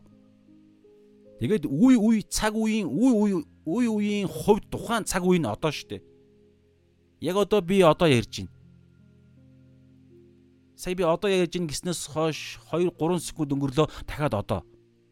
1 2 3 4 секунд дахиад одоо ойлгож байна та иймэрхүү байлгахгүй. Тэгэхээр яг дандаа одоо яригдана юусэн. Яг одоо. За тэгээд хоёр дахь нь яаж хоёр дахь төлөв байдлаар тэ бурхан алдарч байгаа гэхээр энэ ертөнцийн захирагч сатаныг одоо ярина. Сатаныг зайлуулах, хөөж гаргах, зайлуулах гэдэг ойлголт. Энэ зайлуулалтаар дамжуулан ялалт гэж ярьж байгаа. Энүүгээр дамжуулан бурхан аав алдаршин. Энэ дэлхийн ертөнцид алдаршсан өнгөрсөн цаг дээр нэгдүгээр загалмай дээр хүүгээрээ дамжуулан хоёрдугаар бас загалмай үйл явдаар дамжуулан сатаныг хөөн зайлуулж алдаршиж байгаа. За тэрийг нь бүгдээрээ жоох ойлгоё ингээд сайн ингээд судалж байхад ерөнхийдөө бол яг энэ ойлгож эхэлсэн би. Тэр утгаараа энэ цаг их гоё өрөөлтөй цаг байгаад байгаа. Энэ цагийг гаргах нь миний хувьд маш өрөөлтөй. За шүүлт ярьж байгаа штэ. Эхнийх нь шүүлт. Тэгэхээр шүүлт тэгэхээр хаана шүүх хурал хаана болдیں۔ Шүүхийн танхимд. Тэгэхээр яг ийм сүнслэг ийм шүүхийн танхимд болж байгаа процесс байгаа даа байхгүй юу? Сатаныг буруутгагч, яллагч, зэмлэгч, гүтгэгч гэдэг тийм ойлголт байгаа шүү дээ. Accuser гэдэг англиараа бол тэгэхээр сатан бол хүмүүсүүдийг дандаа гүтгэж, буруутгаж, ялж идэг. Гэхдээ тэр нь яг үннийг хэлэхэд бол хууль ёсны дагуу байхгүй юу? Хууль ёсны дагуу ялалдаг. Гэхдээ тэр яллыг гим нүгэл үйлдүүлсэн сатан өөрөө байхгүй юу? Тэгсэн мөртлөө дараагаар нь өөрөө нэг мундаг шүүхч, яллагчийн дүрд бас ордог. Тэр утгаараа яллагч, худалч гэдэг байгаа нь тэр. Үнэхээр жинхэнэ утгаараа чи буруу юм хийлээ инх тайвнаа гэж хэлдэг хүн биш байхгүй юу? Буруу юм өөрөө хийлгүүлсэн мөртлөө хийлгүүлчээ дараагаар нь чи буруу юм хийсэн гэж хэлдэг. Тэр утгаараа худалж гүтгэгч гэдэг байгаа юм тэр. Тэгэхээр сатан бол яллагч шүүхийн танхимд болж байгаа үйл явдал байхгүй юу? Тэгээд өнөөдөр инх тайв яалтчгүй өчтөр гимнүгэл үйлдсэн.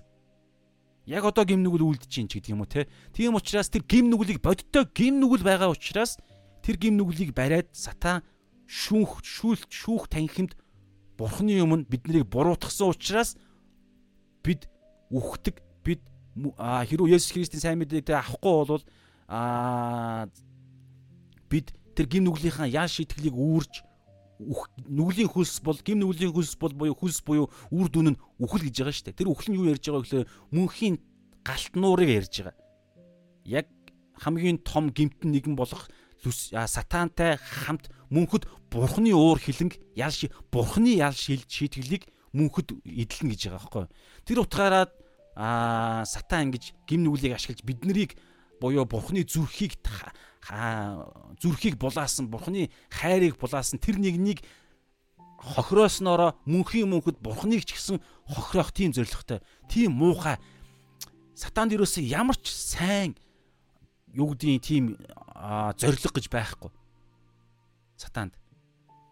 Сатан бол юу ч аим шигтэй тийм муухай бузар муу одоо нэр аим шигтэй бузар муугийн их үүсвэр байхгүй тийм учраас тэгсэн мөртлөө илэрхтээ нэг гоё гоё худлаа тийм учир шалтгааны юм гаргаж ирдэг. Гэхдээ зорилго нь дандаа бид нарыг бүр юучгүй болох зорилготой. Тэгэхээр тийм аимшигтэй хүчийг одоо Есүс Христ яаж ялж байгаа вэ гэхээр загалмай дээрх үхлээрээ дамжуулан. За энэ дэр энэ зайлуулах гэдэг үг байгаа байхгүй. Ингиж хэлээгүй харда та. Одоо энэ ертөнцийн захирагч устгагдах гэж байна. Үхэх гэж байна гэж хэлээгүй шүү. Энийг та ойлгоорой. Зүгээр зайлуулагдах гэж байна. Англиар бол cast out буюу цөллөгдөх ч юм уу те а хөөгдөж гаргагдах гэж байна гэдэг үг. Гэхдээ амьд байгаа хизээ өөх вэ гэхээр Есүс Христийн хоёр дахь ирэлтээр л өхөн. Гэтэ яг хоёр дахь ирэлтэн дараа мянган жил гэж байгаа. Мянган жилийн дараа нэг төр хугацаанд суллагдана. Тэгээ дараагаар нь жинхэнэ галтнуур таягд маягдна гэдэг ойлголт илчилт номон дээр тийм дэс дараа байгаа. Гэтэ тэр нь яг ямар утгатай вэ гэдгийг сайн судлах хэрэгтэй. Ямар ч үсэн ийм дэс дараа байгаа. Ямар ч үсэн хамгийн сүүлд Есүс Христ өөрөө сатанагч галтнууранд хаяна хамгийн сүүл дайсан болох үхэл гэж байгаа. Үхлийг хүртэл байхгүй болгоно гэж ярьж байгаа. Тэр хүртэл Чөтгөр энэ дэлхий дээр бурхан хэвээрээ байгаа шүү дээ. Гэхдээ загалмай дээр нэг зүйл өөрчлөгдсөн. Тэрийг бүгдээр ойлгох гэдэг юм. Одоо гэдэг нь загалмай дээр болж байгаа үйл явдал. Одоо энэ ертөнцийн захирагч бурхан гэж хэлж байгаа бас 2 дугаар Коринт 4-4 дээр Эфес 6 дээр ч гэсэн байгаа сүнслэг тулаан ярьж байгаа. Энэ ертөнцийн захирагч хөөж гаргагдах гэж байна. Хаанаас түрүүн би хэлсэн. Олж мэдсэн юм аваалцж байгаа шүү. Аа шүүх танхимаас аахгүй юу? шүүх танхим яг шүүх инх тайван бата дөржоо дулмаа үхэх ялтай мөнхийн галтнуурт үхэх гэдэг ийм шүүлтэнд хэрүү орох юм бол бид бүгд үхэх ялтай байхгүй бүгд гим нүгэлтэй учраас гэтэл тэр ялан дунд яаж байгаа гэхээр Есүс Христ орж ирэнгүүтлээ зууч өмгөөлөгч гэж ярьж байгаа мөнхийн өмгөөлөгч мөнхийн дахилч орж ирэнгүүтлээ бидний өмнөөс би дахил болъё би ялыг нь үүрийгээд үхэж байгаа байхгүй юу? Тийм учраас загалмай дээр болж байгаа тэр үйл явдал чинь тэр л үйл явдал зөвхөн.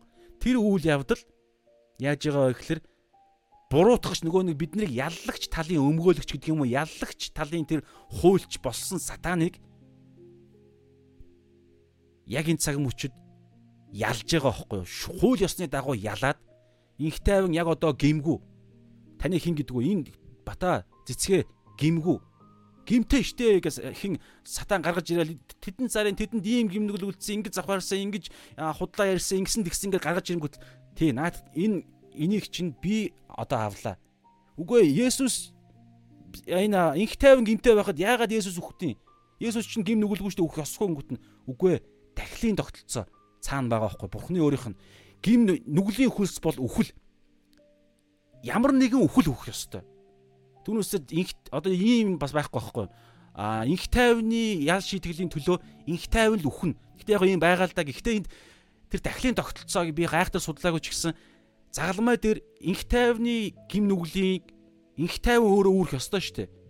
Тэгэхээр гэтэл Есүс үүрээд байгаа. Гэтэл сатан харангуутлаа те а шүүхчтэй яллагч тал харангуутлаа инх тайван үх ёстой байтал яагаад Есүс үхээд байгаа юм?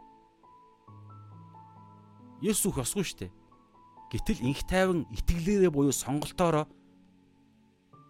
би юм а инх тайван би өөрөө үхьегээд өдөр бүр махыг нь идэж цусыг нь уух буюу Есүс Христийн үгээр нь амьдаж ариун сүнсээр нь амьдрна гэдэг энэ зүйл чинь өдөр бүр штэ. Ингиж байнгын төлөв байдал чинь би Есүс бит хоёр нэг болж байгаа гэдэг процесс. Нөгөө нэг хурганы дээгүүр алгасал баярын хурганы махыг нь бид нар идж байгаа. Ходоодонд орцсон учраас ходоодороо дамжуулан тэр хург тэр айлын гişүүн бүр хург хоёр нэг болчихж байгаа байхгүй. Тийм учраас хурганы цусыг хаалган дээрээ дотгон дээрээ ингэж нялах үед үхлийн тэнгэрлэгч 10 дахь Египтийн тэ нөгөө нэг Египтээс гарсан үйл явдал дээр ярьж штэ. 10 дахь үхлийн тэнгэрлэгч хараад өө инх тайван. Ах нь инх төвшин. Одоо хин байд ингээд ингээд ингээд эднэр энэ айл үхчихэж ягаад тэгэхээр энэ цус цус нь харагдаж байна Яг энэ процесс байхгүй юу?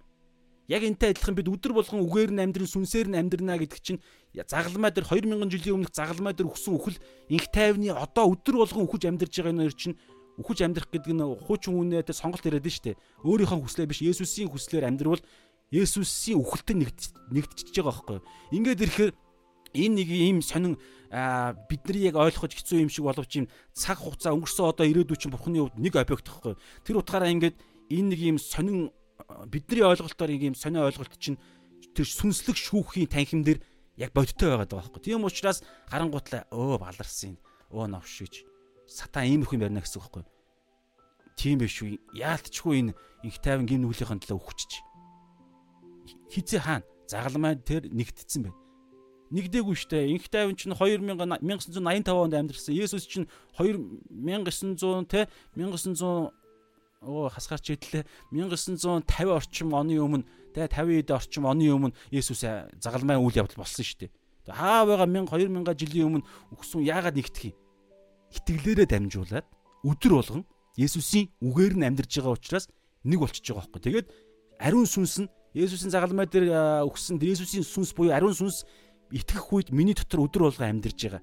Тэгэхээр энэ зүйл чинь ингээд нэг юм аа тэр загалмай аа тэр нэгдэх үед нөгөө нэг яллагч сатан шүүх танхимаас хөөгдөж гаргаж байгаа байхгүй яллах ямар ч үндэслэгүй болж байгаа гэсэн. Тэр утгаараа өнөөдөр бид өдөр болгон бурхны үг ба нөгөө нэг Йохан 5 4 дээр байгаа байлоо. А самар эмхтэй дээ тэ тэрэн дээр хийдэг штэ. Эмхтэй дөрв баха. Самар эмхтэй төгч нь харчи. Тэ Йохан дөрүүдээр байгаа. Имхтэй одоо эцэгт л мөргөх энэ уулан дээрч биш Иерусалимт биш зөвхөн эцэгт мөргөх цаг ирж байна. Үнэн ба сүнсээр гэж байгаа. Үнэн ба сүнсээрээ дамжуулан эцэгт мөргөх цаг ирж байна. Тэр цаг нь загламаагаас хойш боломжтой болж байгаа байхгүй. Тэгэхээр үнэн ба сүнс гэдэг энэ ойлголт маш чухал ойлголт. Ер нь итгэлийн амьдралд би дандаа хэлдэг хоёр юм дандаа явдаг шүү. Тэгэхээр тэрнийх нь одоо энэ дээр хүртэл дахиад хоёр юм хоёр байдлаар илэрж байгаа. Нэгдүгээр үнэн ба сүнс. Үнэн гэж юу юм? Есүс өөрөө Иохан 14:6 би бол зам үнэн ам Есүс хэлж байгаа. Үнэн гэдэг чинь өөрөө үг байхгүй юу? Библийн үг. Хэрв та нар үгээр Иохан 3 Иохан 8-ын 30-аас 32 дээр хэлж байгаа. Хэрв та нар үгэн дотор үг үгэн дотор минь байвал Библийн үгэн дотор минь байх буюу үгийг нь хэрэгжүүлж амьдрал та нар миний жинхэнэ дагалдагчд байна. Тэгээ та нар үннийг ойлгоно гэж байгаа. Үгэнд үгийг нь хэрэгжүүлж амьдрал үннийг ойлгоно. Тэгээ тэр үнэн та нарыг чөлөөлнө гэж байгаа. Гэхдээ тэр үнэн үгэн дотор нь байхын тулд юу хэрэгтэй гэж мэдээж бидний тэр итгэл бодиттой тэрхүү библи судлах хэрэгтэй. Гэхдээ тэр үгэн дотор нь байх буюу хэрэгжүүлж амьдрахад бид өөрсдийн хүчээр чадахгүй гэж Ромд хэлээд нь штэ. Зөвхт хүн нэг чалга. Бүгд нүгэл үйлснээр Бурхны алдарт буюу тэр үгийн хүсэж байгаа тэрхүү стандартад хүрэхгүй байгаа байхгүй. Тийм учраас яах юм? Ром 8-ын 4 дээр сүнсээр явж ижил хуулийн үйлсийг хэрэгжүүлж чадна гэж байгаа байхгүй. Тэгэхээр үнэн ба сүнсээр бурханд мөргөх мөргөллийн цаг ярьж байгаа. Тэр нь амьдрал зүгээр. Тэгэхээр үнэн буюу үгээр нь амьдрна. Ингиж амьдрахад бид эхлээд хичнээн судлаад ойлгосон ч бид өөрсдөө ингэж амьдрч чадахгүй боломжгүй. Тийм учраас үнэн ба сүнс нь орж ирж байгаа байхгүй ариун сүнс. Тийм учраас Иохан 3 дээр сүнсээр төрсэн хүн Тэнгэрийн хаанчлалд орно. Сүнс сүнсийг авж ижил энэ Тэнгэрийн хаанчлалын энэ яаж амьдрах, яавал гим нүгэлгүй амьдрах, яавал Есүсийн дотор үргэлжлүүлэн явсаар байх хүч нь зөвхөн ариун сүнс. Гэхдээ ариун сүнс хүч нь байлаа гэд юу хийхээ мэдэхгүй бол бид чадахгүй шүү дээ. Тэгэхээр юу хийх нь үнэн байхгүй юу? Библийн үг. Энэ хоёр чинь ингэж хамт явж байгаа. Тэгэхээр ингэж явна гэдэг чинь өнөөдөр бид аль хизийнэ загалмай дээр өгсөн Галаат 2-ын за би Галаат 2-ын 19 20-ыг уншия. Энэ маш чухал ишлэг байгаа байхгүй юу? Галаат 2:19 20. Учир нь бурханд амьд байхын тулд нөгөө саяны ярьсан ойлголтоор бол шүүх хуралд яллагдахгүй Есүсийн дотор 3 дахь хоногийн дараа амьлахт Есүсийн дотор амьлахын тулд буюу бурханд амьд байхын тулд ял шийтгэлж яллагчийн өмнө хуучин хүн маань үхсэн гэдэг ойлголтыг ярих гэдэг нь шүү дээ. Бурханд амьд байхын тулд би хуйлд хуулиар үхсэн. Яагаад хуйлд хуулиар өгсөн гэхээр хууль нь өөрөө юу ярьдаг вэ гэхээр хэлж шүү дээ. Аа бүгд нүгэл үйлцснээр Бухны алдарт хүрдэггүй. Нүглийн хөлс бол үхэл зүвт хүн гэж нэг ч алга гэдгийг Ром 3 дээр хэлж байгаа. Тэр Ром дээр ном дээр баян хэлдэг. Тэгэхээр бид бүгд нүгэлтэй гэдгээ хүлээн зөвшөөрөх гэдэг чинь маш чухал ойлголт байхгүй. Гим нүгэлтэй, гим нүглээ улаах Тэгээд Матай 5-ын 3 дээр бол сүнсэндээ ядуу буюу юу ч байхгүй гэдгээ ойлгосон хүн өрөөлтэй Тэнгэрийн хаанчлаа тэднийх гэж байгаа. Бид сүнсээрээ бид зөв төгтөх, гимгүү байх, Бурхныг алдаршуулах, зөв сайныг үлдэж амьдрах ямар ч боломжгүй юу ч байхгүй ядуу хоосон хувцасч байхгүй, орон гэрч байхгүй, хоолж байхгүй гэдгээ хүлээн зөвшөөрөх нь ерөөлтэй гэдэг байгаа байхгүй юу? Ингэх үед яаж байгаа вэ гэхээр тэнд чинь а одоо энэ үхлийг ярьж байгаа гэсэн. Одоо энэ дэр хэлж штэ. Би хуульд хуулиар өгсөн. А Галаад 2:19 учир нь бурханд амьд байхын тулд бурхны дотор амьтай байхын тулд би хуульд хуулиар өгсөн. Хууль бол чи өөхөх ёстой гэж хэлдэг бид нарыг. Нүгэлтэй учраас. Нүгэл нүгэлтгүй гэх юм бол нүгэлтэй гэдгийг нь батлах хар мянган ишлэл байгаа. За тодорхой гэх юм бол хуучин гэрээний 39 номны эхний 5 ном дотор а эхлэл гитлэл леви тоолго дид хууль дотор 613 хууль гэж байгаа байхгүй. Би давтагдаа 613 болж гинөө эсвэл давтагдахгүй байдлаа 613 болж гинөө гэдэг нь яг судалж амжсангүй. Ямар ч байсан 613 хууль байгаа. Энэ хуулиар ярихад одоо бол шинэ гэрээнд бүр юу гэдэг Есүс бүр нэмж байгаа шүү дээ нүдэрээ харж ижил харсны хүртэл завхаар л болгочихж байгаа. Алаагүй мөртлөө үзэн ядах юм бол шууд алсан гэж ярьж байгаа. Энэ мэтчлийн ингээд ерөнхийдөө хууль бол гим нүглийг бол ингээд одоо шинэ одоо юу гэдгийг 21-р зуунд бүр ингээд гим нүглийн төрлүүд чинь бүр нэмэгдэн штэ. Ягаад тэгэхээр шин шин талбарууд шин шин хүслүүд гарч ирээд байгаа учраас тэр утгаараа бид угаасаа нүгэлтэй. Тэрийг бол бурхан дорн батлна. 10 эхний 10 тэр хуулийн үндсэн суурь болох 10 хуулиар хүртэл дорн батлна худлаа ярьж гинөө хулгай хайж гинөө тэ? Завгаарж гинөө дорн батал нэрэ. Тэгэхээр нүглийн хөлс бол хууль үр дүн бол үхэл гэж байгаа. Тэгэхээр хууль одоо энэ дээр хууль хуулиар өгсөн гэдэг нь хууль болохоор чи өөхөх ёстой гэж хэлдэг. Тэгэхээр би энэ энэ хуулийн дагуу би хуулиар өгсөн гэж байгааз хуулиар гэдэг нь юу ярьж байгаа юм? Есүсийн загалмай чинь хууль ёсны дагуу бидний аа гим нүглийн төлөөсийг төлсөн байхгүй. Тийм учраас би хуульд хуулиар өгсөн гэдэг нь загалмай дээр өгөхлийг ярьж байгаа. 20 дугаар ишлэл. Галаат 2:20 амьд байгаа нь би биш. Яг одоо энийг үзэж байгаа та энийг ярьж байгаа би яг одоо инх тайван хуучин гим нүгэлтэй инх тайван би үхсэн байхгүй юу? Хэрвээ би амьд байвал би хуульд хуулиар өхөйг өгсөн. Есүс Христтэй нэгдэг байна гэсэн үг. Тэгэхээр надад аврал байхгүй шүү дээ өдөр болгон Есүс Христийн дотор явж иж өдөр болгон өөрийгөө үгүйсгээд загалмайгаа үүрж иж буюу энэ хаанчлалын энэ зорилгын дагуу амьдарч иж тэгээд тэр өдөр болгон тэг яаж амьдрахыг нь мөрөөр нь зааж явж ариун сүнс библийн үгээр ингэж явж иж ариун сүнс чинь өөрөө энэ яаж явах тэр хүчин шүү амархан гэсэн үг. Есүсийн ачаа хөнгөн буулган эвтэйхэн гэж байгаа. А Матай 11 дээр байгаа маш амархан ариун сүнсээр явбал энэ үнэхээр жаргалтай хөнгөн амьдрал. Буулга нь үнэхээр нуруу өвдөхгүй, нухахгүй, хологдуулахгүй ачаа нь маш хөнгөн. Яагаад тэгэхээр ариун сүнс өөрөө үүрээд явах учраас. Өөрөө буулганы зөөлөвч нь болох учраас. А тэгэд амьд байгаа нь би биш. Харин миний дотор амьдрдаг нь Христ юм гэж байгааз Галаад 2:20 дээр би одоо энэ миний дотор Есүс өөрөө амьдарч байгаа байхгүй. Тийм учраас шүүх хурлаас яллагч сатан зайлуулагдсан байхгүй юу? Ягаад тэгэхээр инх тайван үхсэн. Одоо жишээ нь ийм ойлголт сатан хараад инх тайван үхэх ёстой гингүүт нь. За би үхье. Тэгье таны та яалтчгүй үнүүг хэллээ. Тэгээ би үхье гэд өдөр болгон үхэж амьдарч байгаа гэсэн. Үгээр нь сүнсээр нь. Гэхдээ энэ нь яг бодиттой хийгдсэн нь загалмай дээр байхгүй юу? Яг бодиттой юм бид бодиттой гимнүгэл үлдсэн шүү дээ. Бодиттой бид худлаа ярддаг, бодиттой хүн алдаг, яг алуурчин хүн байлаа гэж бодоход бодиттой завхаардаг, бодиттой хар тамхи хэрэгэлдэг, бодиттой авилгал авдаг, бодиттой худлаа ярддаг. Яг бодиттой үйлдэлийг үйлдүүдийг ярьж байгаа учраас бодиттой нэг хүн заавал өгөх ёстой. Тэр нь Есүс байсан. Гэхдээ яаж нэгдэх юм гэдэг дээрээ ярьсан шүү дээ, тэ? Махыг нэдэж цусыг нь уух. Тэр нь өдөр болгон үгээр нь амьдрах, сүнсээр нь амьдрах.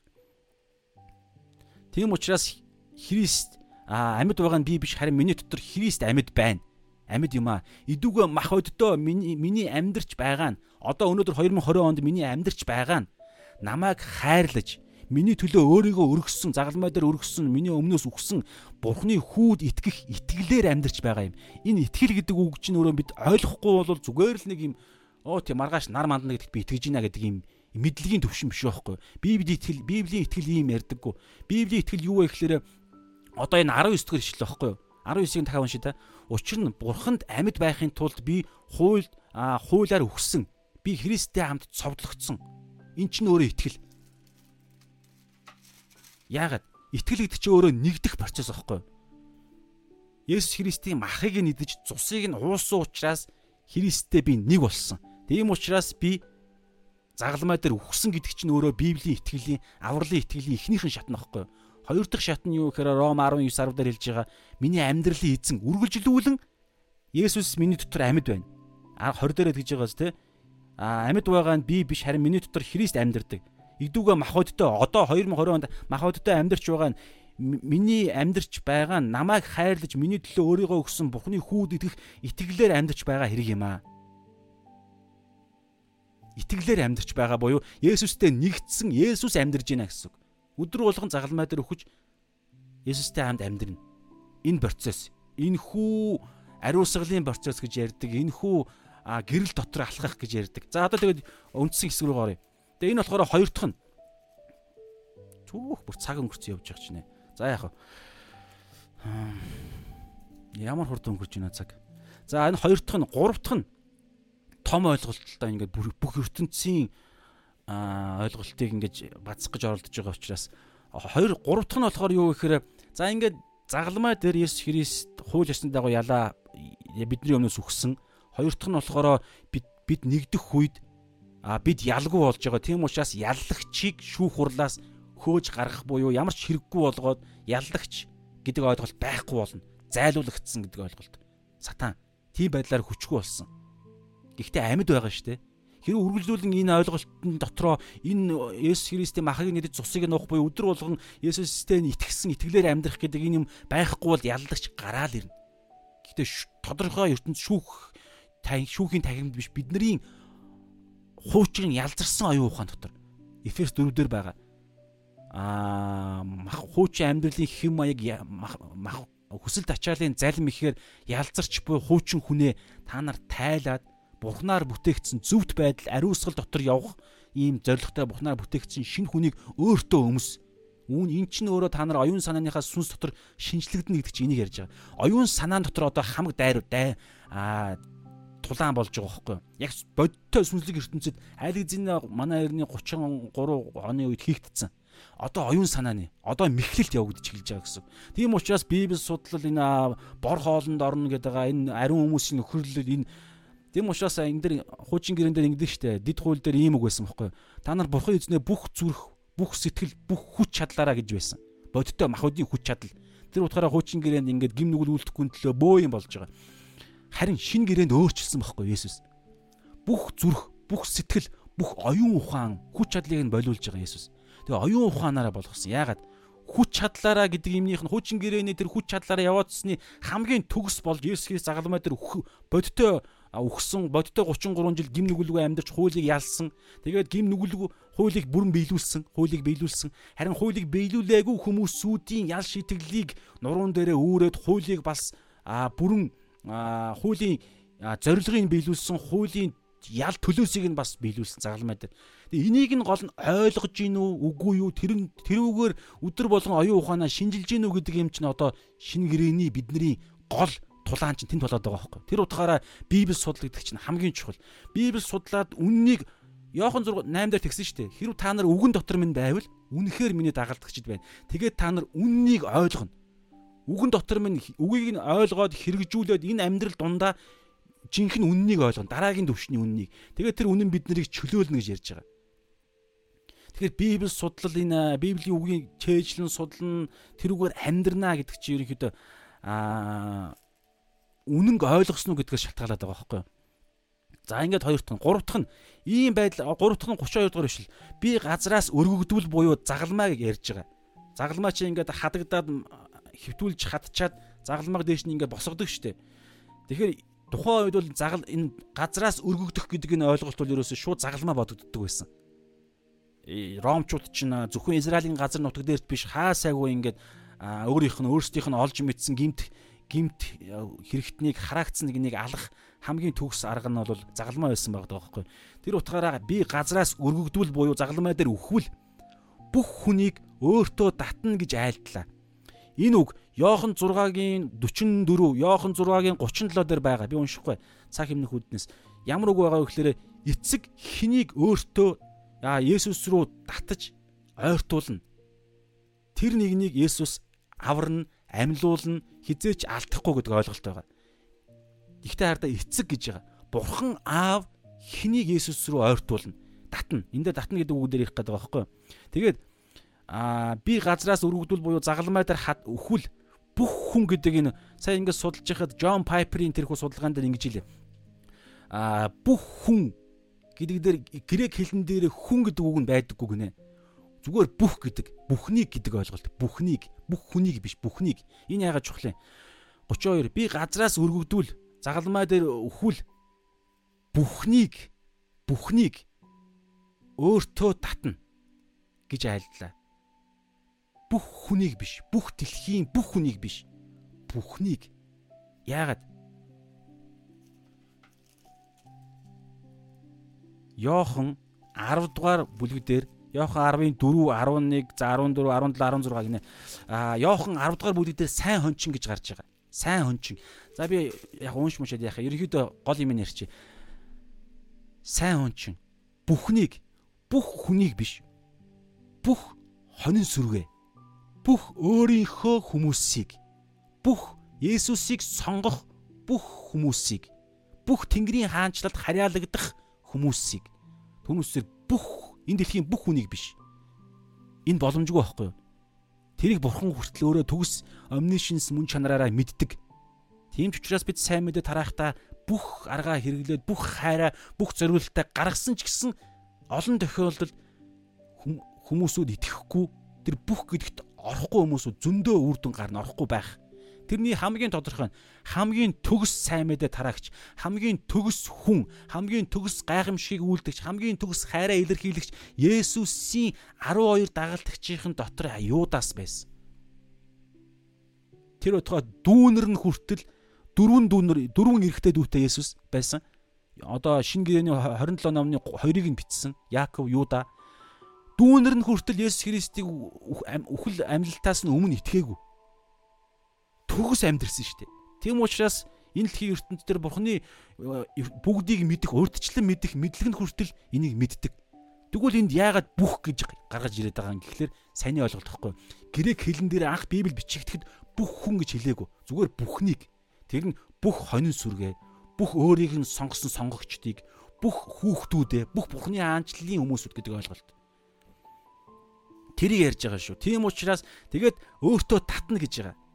Есүс бүх хүмүүс энэ загалмай үйл явдлаараа дамжуулан сайн мэдээгээр дамжуулан бүх өөрийнхөө хүмүүсүүдийг татна. Ингиж татхад хэн Есүс рүү ингэж ойртуулах вэ гэхээр Бурхан Аав, Эцэг. Гэтэ хардаа зарим хүмүүсүүд татагдахгүй зарим хүмүүсүүдийг хэлэхэд хэцүү ч гэсэн бурхан тэр татахт нь оролцохгүй байгаа юм шиг тийм мэдрэмж Библиэд байгаад идэг байхгүй. Тийм учраас энд юу орж ирдэг вэ гэхээр бидний залбирал. Залбирал маш чухал. Мосетойч тэр Авраамтаач тэр хаасаагүй Есүс залбирлаар дамжуулан хүн төрлөخت Бурхны ард түмэнтэй хамтардаг байхгүй юу? залбиртаа залбирлаар дамжуулан Бурхны ажил зарим ажлууд өөрчлөгддөг. Бо залбирлаар дамжуулан Бурхны төлөвлөгөө өөрчлөгдөхийг Бурхан өөрөө тогтоож тэрийг зорилгоо бол хүнтэй өөрийнхөө төлөөлөгч охид хүүгүүдтэйгээ хамтарч ажиллахыг Бурхан сонгодог. Тийм учраас та нар залбир ариун ирчүүд ариун гараа өндөрт өргөөд үнцэг булан бүрт те бусдын авралын төлөө залбир гэдэг байгаа шин тэр байхгүй.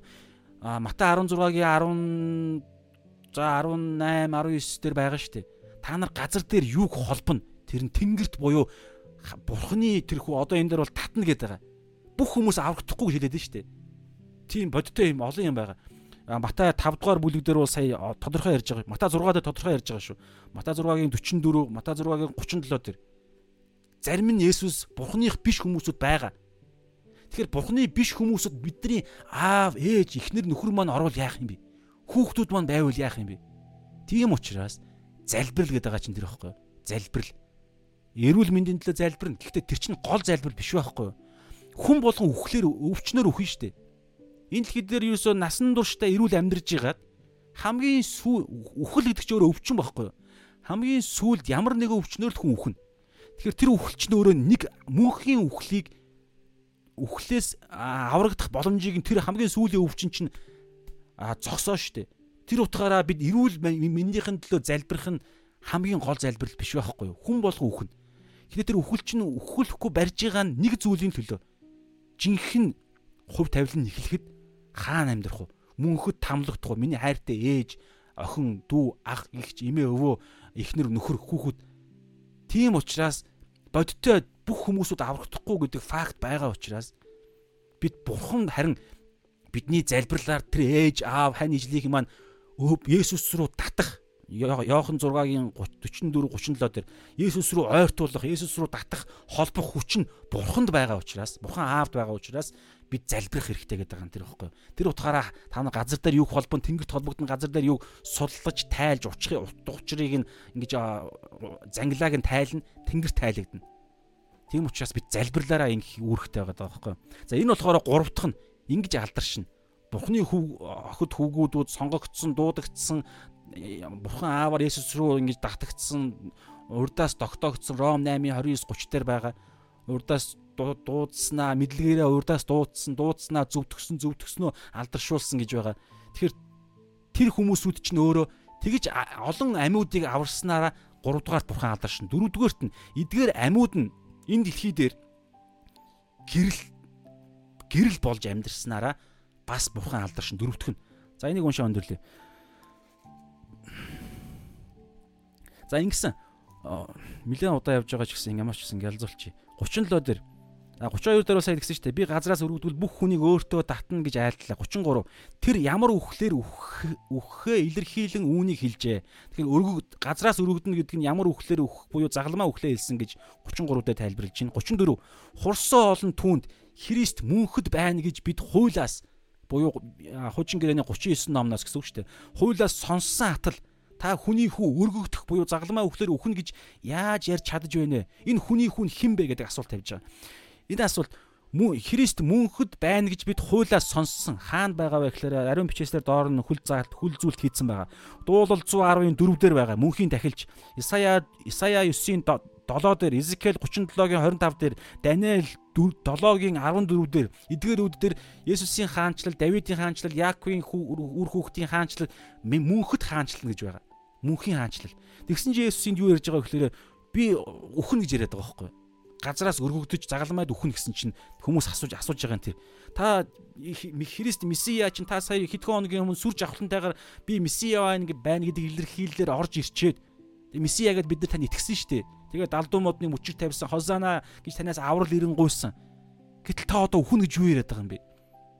Дуулал дээр, Исая дээр, Изекэл дээр, Даниэл дээр үхэхгүй мөнхийн аанчлаж хэлсэн шүү дээ. Яагаад та үхэн гэж яриад байгаа юм бэ? гэж ирсэн. Тэгвэл тэр Даниэл дээр байсан Христ чи хин? Та биш юм уу тэгвэл өөр Христ ирэх юм уу гэдэг ойлголт ярьж байгаа. Гэхдээ энд нэг юм байна. Хоёр ойлголт. Нэгдүгээр тэд нар тэр хуучин гэрээний мөнхийн хаанчлал гэдгийг зүгээр л өөрийнхөө энэ химжигдэхүүн цаг хугацаа орон зай материалын материал хязгаарлагддаг энэ химжигдэхүүнээр мөнх гэдгийг тэгж ойлгоод байгаа. Мөнх гэдгийг. Гэтэл Есүс үхлээ ярьсан. Үхлийн дараа амьлна гэдгээ ч гэсэн хэлсэн шүү дээ. Йохан 10 дээр бол сайн онцон дээр хэлж байгаа. Би амиа авахын тулд амиа өгнө.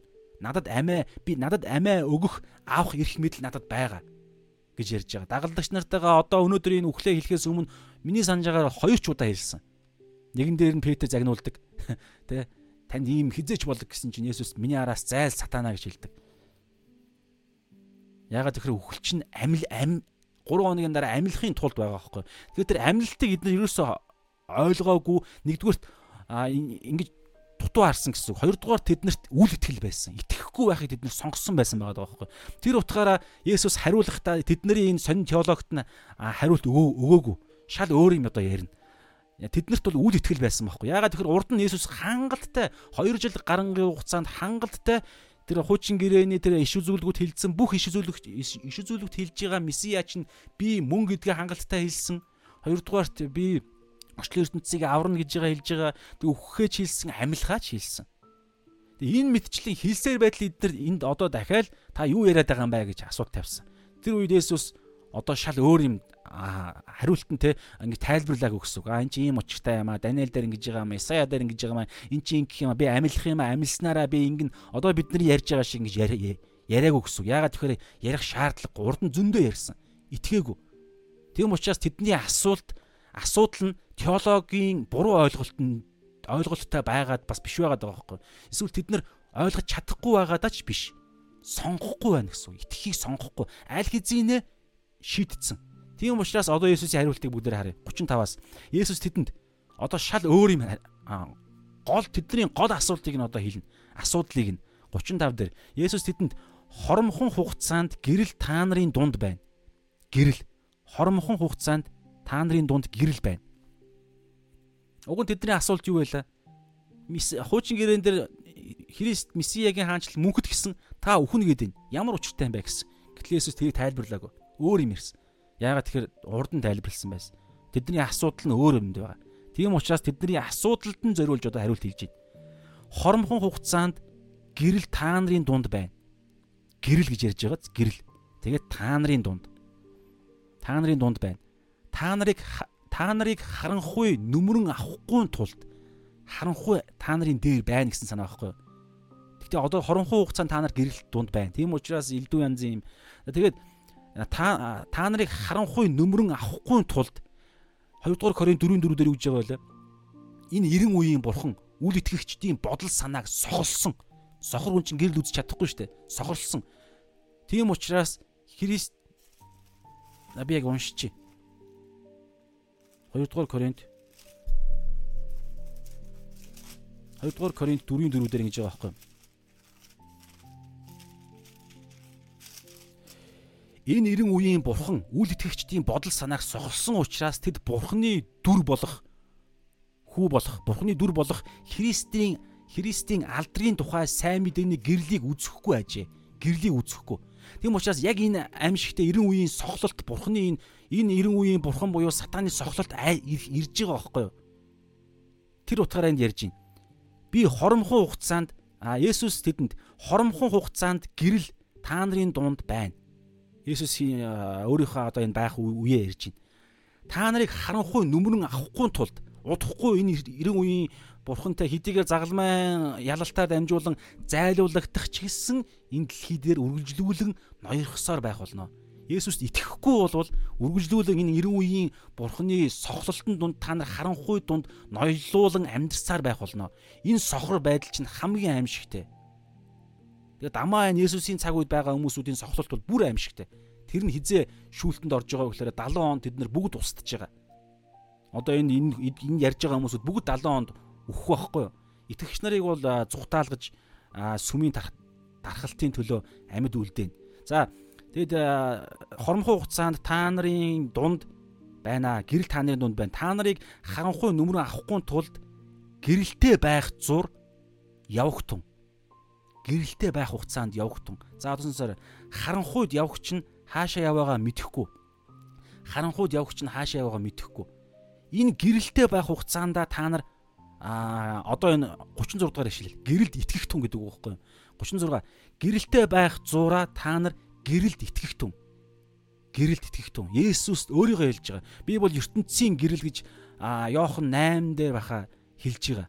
Йохан 8:11 хавцаа байгаа байгаа юм. Би бол ертөнцийн гэрэл. Надад итгэгч нь харанхуй дотор явахгүй бөгөөд амийн гэрэлтэй байх болно гэж хэлж байгаа. Тэгэхээр Есүс итгэх түн гэдэг үг. Надад итгэх түн. Миний үхэл загалмай үхэлд итгэх түн.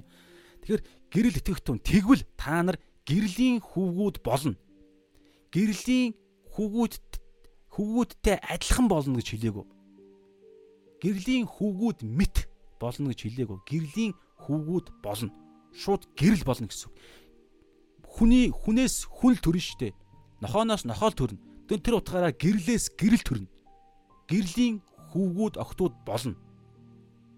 Яаж болох юм? Гэрэлд итгэвэл итгэлээр Йохан 3 дээр бол итгэлээр дамжуулан ариун сүнсээр хүн дахин төрдөг. Тэгээд бид нар өөрсдөө бурхад болж байгаа байхгүй нэг талаараа. Гэхдээ энэ ямар утгаараа яг гоо дуул дээр ийм санаа байгаа. Гэхдээ би ямар утгаагаа хэлж байгаа гэхээр бидний дотор хэн байгаа вэ гэхээр бурхан байгаа байхгүй ариун сүнс. Есүс энэ дэлхий дээр эцгийг алдаршуулж амьдэрсэн. Бурхан бурханыг бурхан нь алдаршуулж амьдарч байгаа. Алдаршуулах бүрэн боломжтой. Бурханыг бурхан л алдаршуулах боломжтой байгаа байхгүй юу? Бурхныг хүн алдаршуулах боломжгүй байгаад байгаа юм. Чадахгүй. Тэр утгаараа аа сүнсэндээ ядуу байж иж би ямар чадваргүй гэдгийг ойлгох юм бол ариун сүнс орж ирээд ариун сүнс ч өөрөө бурхан шүү дээ. Есүс болохоор эцэг бурханыг хүү бурхан нь алдаршуулж амьдэрсэн. Үүнд нь хүү бурханд итгэвэл ариун сүнс бурхан биднэрт орж ирнэ. Тэгээ өнөөдөр бид ариун сүнс бурханаар дамжиж дамжуулж л эцэг бурханыг алдаршуулна, хүү бурханыг алдаршуулна. Тэгэхээр бурханыг бурхан л алдаршуулж байгаа байхгүй юу? Тэгэхээр гэрлийн хүүгүүд гэдэг байгаа нь тэр ариун сүнс бурхан бидний дотор оршиж байгаа. Тэгээд хамгийн сүүлд нэг ишлэгийг уншаад өндөрлөө. Нэгдүгээр явхан Нэгдүгээр явхан нэгийн хэдээс дөрвөөс илүү гэр бурхан бол гэрэл гэдэг гарчиг байгаа шүү дээ. А энийг уншаад нүлээ. За ингэж байгаа бурхан бол гэрэл гэдгийг би бүгд нь уншиж чинь 5 ишлээ. За Йохан 1-р Йохан 1-ийн 5-аас 10. Бурхан бол гэрэл. Бурхан бол гэрэл. Түүний дотор харанхуй огт үгүй гэдэг нь бидний бидний түүнээс сонссон мэдээ бөгөөд та нарт тунхаглаж байна. Бид бурхантай нөхөрлөдөг гэж яриад бурхнаар аврагдсан гэж яриад гэрлийн хүүгүүд болсон гэж яриад гэсэн үг шүү дээ. Бурхантай нөхөрлөдөг гэж яриад харанхуйд алхваас бид худал хилдэг үннийг үүлддэггүй ажээ. Нэгдүгээр яхаа нэгийн 7 харин тэр өөрөө гэрлийн дотор байдагч тэр гэж Есүс. Харин тэр өөрөө гэрлийн дотор байдагчлан бид гэрлийн дотор явбал бид бие биентэйгээ нөхөрлөж түүний хүү Есүсийн цус. За энэ тэр гэдэг нь бурхан байхч болох юм биш үү? Ариун ер нь ялгаа байхгүй. А нөхөрлөвл биш ээ. Харин за дахиад уншчих 7-оос нэгдүгээр яхаа нэгийн 7 харин тэр өөрөө гэрлийн дотор байдагчлан бид гэрлийн дотор явбал бид бие биентэйгээ нөхөрлөж түүний хүү Есүсийн цус биднийг бүх нүглээс цэвэрлдэг ажээ. Гэрлийн дотор үргэлжлүүлэн явж иж бид чөлөөлөгддөг. Ян зүрийн бодиттой юмнаас. За 8. Бид нүгэлгүй гэж чөлөөлөгдөх шаардлагагүй. Бид гим нүгэлгүй гэж хэлэх гээд хэрэг хэлэх гээд байвал 8 дугаар ашлал. Бид нүгэлгүй гэж хэлбэл өөрсдийгөө мэхэлж байгаа бөгөөд бидний дотор үнэн алга. 9 бид нүглээ улаавал итгэмжид зөвд тэрээр нүглийг маань уучилж бүхий л зүү бусаас биднийг цэвэрлэнэ маш бодиттой цэвэрлэгээ ярьж байгаа, маш бодиттой гим нүглийн хүлээсийг ярьж байгаа, маш бодиттой сул дорой байдлуудыг ярьж байгаа. Эзэн цэвэрлж хүчрхжүүлнэ. 10 сүүлийн ишлэл. Бид нүгэл үйлдээгүй гэж хэлбэл бид түүнийг худалч болгож байгаа хэрэг бөгөөд бидэнд түүний үг алга. Үг. За ингээд ерөнхийдөө өнөөдрийн хэсгийг үгээр ерөнхийдөө өндөрлж байгаа. Тэгээд дүгнээд өндөрлөө. Тэгэхээр хэллээ. Энэ дэлхийн ертөнц дээр амьдарж байгаа хүн болгон ямар нэгэн зүйлийг алдаршуулж амьдрах тийм бүтээлийн мөн чанар хэрэгцээ байдаг. Хоёр хүч байгаа. Чөтгөр, харанхуй хүч, гэрлийн хүч. Чөтгөр маммон гэж илэрж хэлж байгаа, чөтгөр гэж ярьж байгаа. Энэ энэ эрен үеийн бурхан гэж жижиг бэгээр хэлж байгаа би бичээс дээр бурхан чөтгөр. Нөгөө тал бурхан. Энэ хоёрыг энэ хоёр хоёрыг л ямар нэгэн байдлаар хүн алдаршуулж амьдэрдэг. Библийн дагуу Есүс Христийн загалмай дээр хүл дээр итгэж нэгдэж амьлалтай нэгдэж үгээр нь амьдарч байгаа нэгэн бүхэн бурхныг алдаршуулдаг. Бусд нь бүгд чөтгөрийг алдаршуулдаг. Илэрлүүд нь янз янз. Өөрийгөө байж болно, мөнгөө байж болно, эрүүл мэндэ байж болно, гоё харагдах юм байж болно, гоо сайхан байж болно ээж аавыгаа алдаршуулж болно өөрийгөө алдаршуулж үр хүүхдээ шинжлэх ухааныг мэдлэгээ мөнгийг одоо юу байдгийг цаана нь бүгд чөтгөр байгаа. Адам Яватай холбогддог. За тэгээд ингэж алдаршуулахын тулд бурхан өөрөө арга замыг сонгосон. Тэр нь өөрөө хүн болж ирээд загалмай дээр бүгдийг шийдсэн байхгүй. Загалмай дээр Есүс Христ а бидний хууль ёсны дагуу гим нүглийг байхгүй болгосон. Бид нарыг амтай болгосон, зөвтгсөн. Ингэснээр бид зөвхт хүмүүс болж гэдэг нэрийг зүүсэн. Эн чи өөрөө бурхан алдарч байгаа байхгүй гим гим нүгэлгүй амьдрах гэж чадаагүй хүмүүсүүдэд зүгээр үнгүү бэлгэлснээрээ бид зөвхт хүмүүсүүд болж байгаа. Тэгээд а хоёрдугаарт нь сатаныг энэ дэлхийн ертөнцийн яллагч тэр бузар мууг хууль ёсныхын дагуу ялж байгаа. Ялсан. Гуравдугаарт нь тэр ялсан тэр сайн мэдээнд нь итгээд Есүстэй нэгдсэн хүмүүсүүд чинь асар олноороо бурхны хүүгүүд октод болж амилж байгаа гэрлийн хүүгүүд. Тэгэхээр дөрөвдүгээрт нь тэр гэрлийн хүүгүүд болж явхдаа бид гэрлийг бусад энэ дэлхийн ертөнцид цацруулна. Матай 5-ын а хэд дээр байла 16 мурга хавцаа байлууд ишлэгийг мартчихж та нарын зөвхт байдал сайн үйл тэнгэр дэх эцгийг чинь алдаршуулахын тулд та нарын зөвхт байдал сайн үйл бусдын өмнө тийхүү гэрэлтэг гэж байгаа. Ийм ярьж байгаа. Алдаршуулах гэдэг юм ярьдаг. Тэгэхээр Есүс Христийн дотор л аа бид Бурхныг бүрэн төгс алдаршуулж чадна. Тэгээд ингэж алдаршуулахад хоёр юм ярьж байгаа. Үннээрээ сүнсээр. Үннээр үннээр нь буюу Бурхны үгийн дагуу амьдрна Тэгээ ингэхэд ариун сүнсээр дамжуулна. Тэгэх юм бол бурхан тэнгэрт хэцэг алдаршина. Есүсийн дотор өдөр болго явна гэсэн. За тэгээ залбираад өндөрлөө. Эзэн миний цагийн төлөө талархъя. Тэгээ өнөөдрийн цагаар дамжуулан эзэн бид маш чухал зүйлийг эзэн сүнслэг итгэлийн хаанчлалын амьдралын чухал зүйлийг уялдаа холбоог нь ойлгох гэж их хичээлээ эзэн тэгээд жоохон ч гэсэн нэг дүр зураг харагдсан гэж мэдэрч байна, найдаж байна. Тэгээд үргэлжлүүлэн судлах үед өдрөөс өдөрт судлах үед энэ дүр зураг улам илүү дэлгэрч, цэцэглэж, улам илүү уялдаа холбоо нь холбогдох үед Йохан 8-ын 30-аас 32 дээр хэлсний дагуу бид үгэн дотор нь амьдрах боломжтой болно. Тэгээд үнэн ойлгоно. Үнэн бид нар тэгээд бид нарыг бас чөлөөлнө. Гэрэл дотор алхах үед Христийн цус бид нарыг бас бүхэл бузрам уугаас гим нүглээс цэвэрлэнэ. Тэгэх юм бол хинч бид нарыг боолчилж хинч бидний дээр гарч чадахгүй. Бидний дээр зөвхөн Есүс та байгаа. Танда талархаж байна. Таны загалмаа дээр исэн гайхалтай ялалтыг ялалтын төлөө бид үнэхээр талархаж байна. Бас үнэхээр зайн баярлаа. Бид нарыг үнэхээр а зөвтгөж бид нарыг яг энэ цагийн мөчөд ялагч нар болгосон учраас биднийг зөвхт хүмүүс болгосон учраас хууль шүүхийн танхимд бидний гимгүү зөвхт хүмүүс болгосон учраас талархаа Есүс үргэлжлүүлэн таныхаа дотор энэ зөвхт байдлаа орхихгүй явах та туслаарай ариун сүнс таныг бас хүсэмжилж байна. Таныг таны хүчээр боломжтой гэж та хэлсэн учраас туслагч болсон ариун сүнс бурхан таньдаа бид талархаж байна. Тэгээ бүх зүйлийг бүх зүйлийг даатхан Есүс Христийн нэрээр бурхан аав руугаа андан залбирч байна. Амен. За энэ цагийн төлөө талархыг нэлээд удаа явчлаа. Гэхдээ одоо яах вэ? Том сэдв байсан. Тэгээ дараагийн цагаар дахиад уулзлаа. Баяртай. Шалом. Ямар нэгэн юм хүн байх үү дээ. За гайг байх шиг. За дараагийн цагаар дахиад уулзтлаа. Түр баяртай. Шалом.